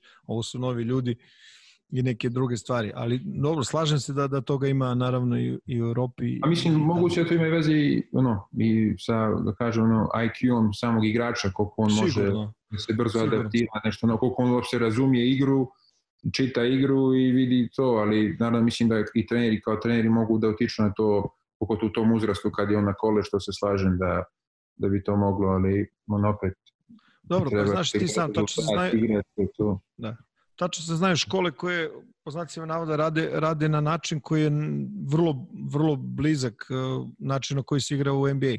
Da. Aj sad da ne spominjem Kaliparija, razumeš, to se zna. Da, da. da. Prođeš, prođeš kroz... I evo, videli smo sad u ovom play-offu zapravo koliko njegovih igrača yes. igralo u samoj završnici yes. NBA play-off. A s druge strane, naravno, znamo da je ono što si ti rekao, najnormalnija stvar je da, da ovaj, da treneri traže što bolje rezultate, razumeš, zbog svega i zbog škole, zbog sebe, zbog na kraj krajeva igrača, normalno ovaj, hoćeš da pobediš, ali ono, baš mi to onako bilo zanimljivo, to mi je bilo baš interesantno je bilo da te to, da te to pitam.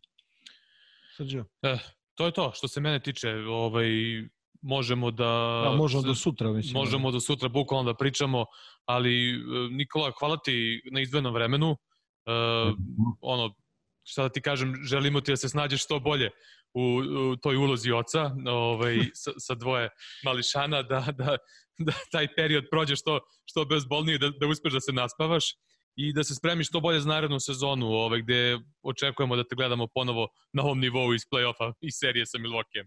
Ono, barem All Star, znaš da. ono što kaže, barem All Star. ko, da je ništa. Ko da je ništa. Ne, hvala, hvala vam puno, bilo mi zadovoljstvo da budem, ovaj, praću vas i dalje, ovaj, samo ne znam kako ćete dalje sa gostima, nema još puno jakih imena koji su ostali. Pa ne, e, hvala ti, znaš si, bravo, ne, nek si ti.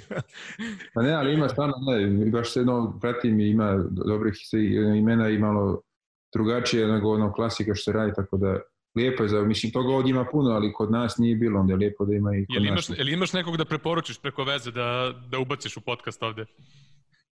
da, da ti iskoristimo sad, kad, kad si već rekao da... E, kad se zaleti. da, da, kad Pa sad, ajde da razmislim, pa mogu da ti, da ti pošaljem. A, divan si, bravo, dečko, bravo. Ovako je malo. Ništa, Nikola, hvala ti mnogo, e, uživaj i hvala ti, kažem ti, na izdvojenom vremenu i to je to što se tiče ove naše pete, a zapravo 12. epizode i e, uživajte i dalje e, u ovim e, epizodama Blog po Blog podcast. Prijatno. Sve najbolje, Ćao. prijatno. Hvala puno, prijatno. Ceo život vodio sam se istim principima. Ukoliko ne pokušaš, nikada nećeš znati koliko možeš. Iza mene su uspesi i porazi, usponi i padovi, a ispred mene jelen pivo. Snaga je u vama. Ooh. Woo!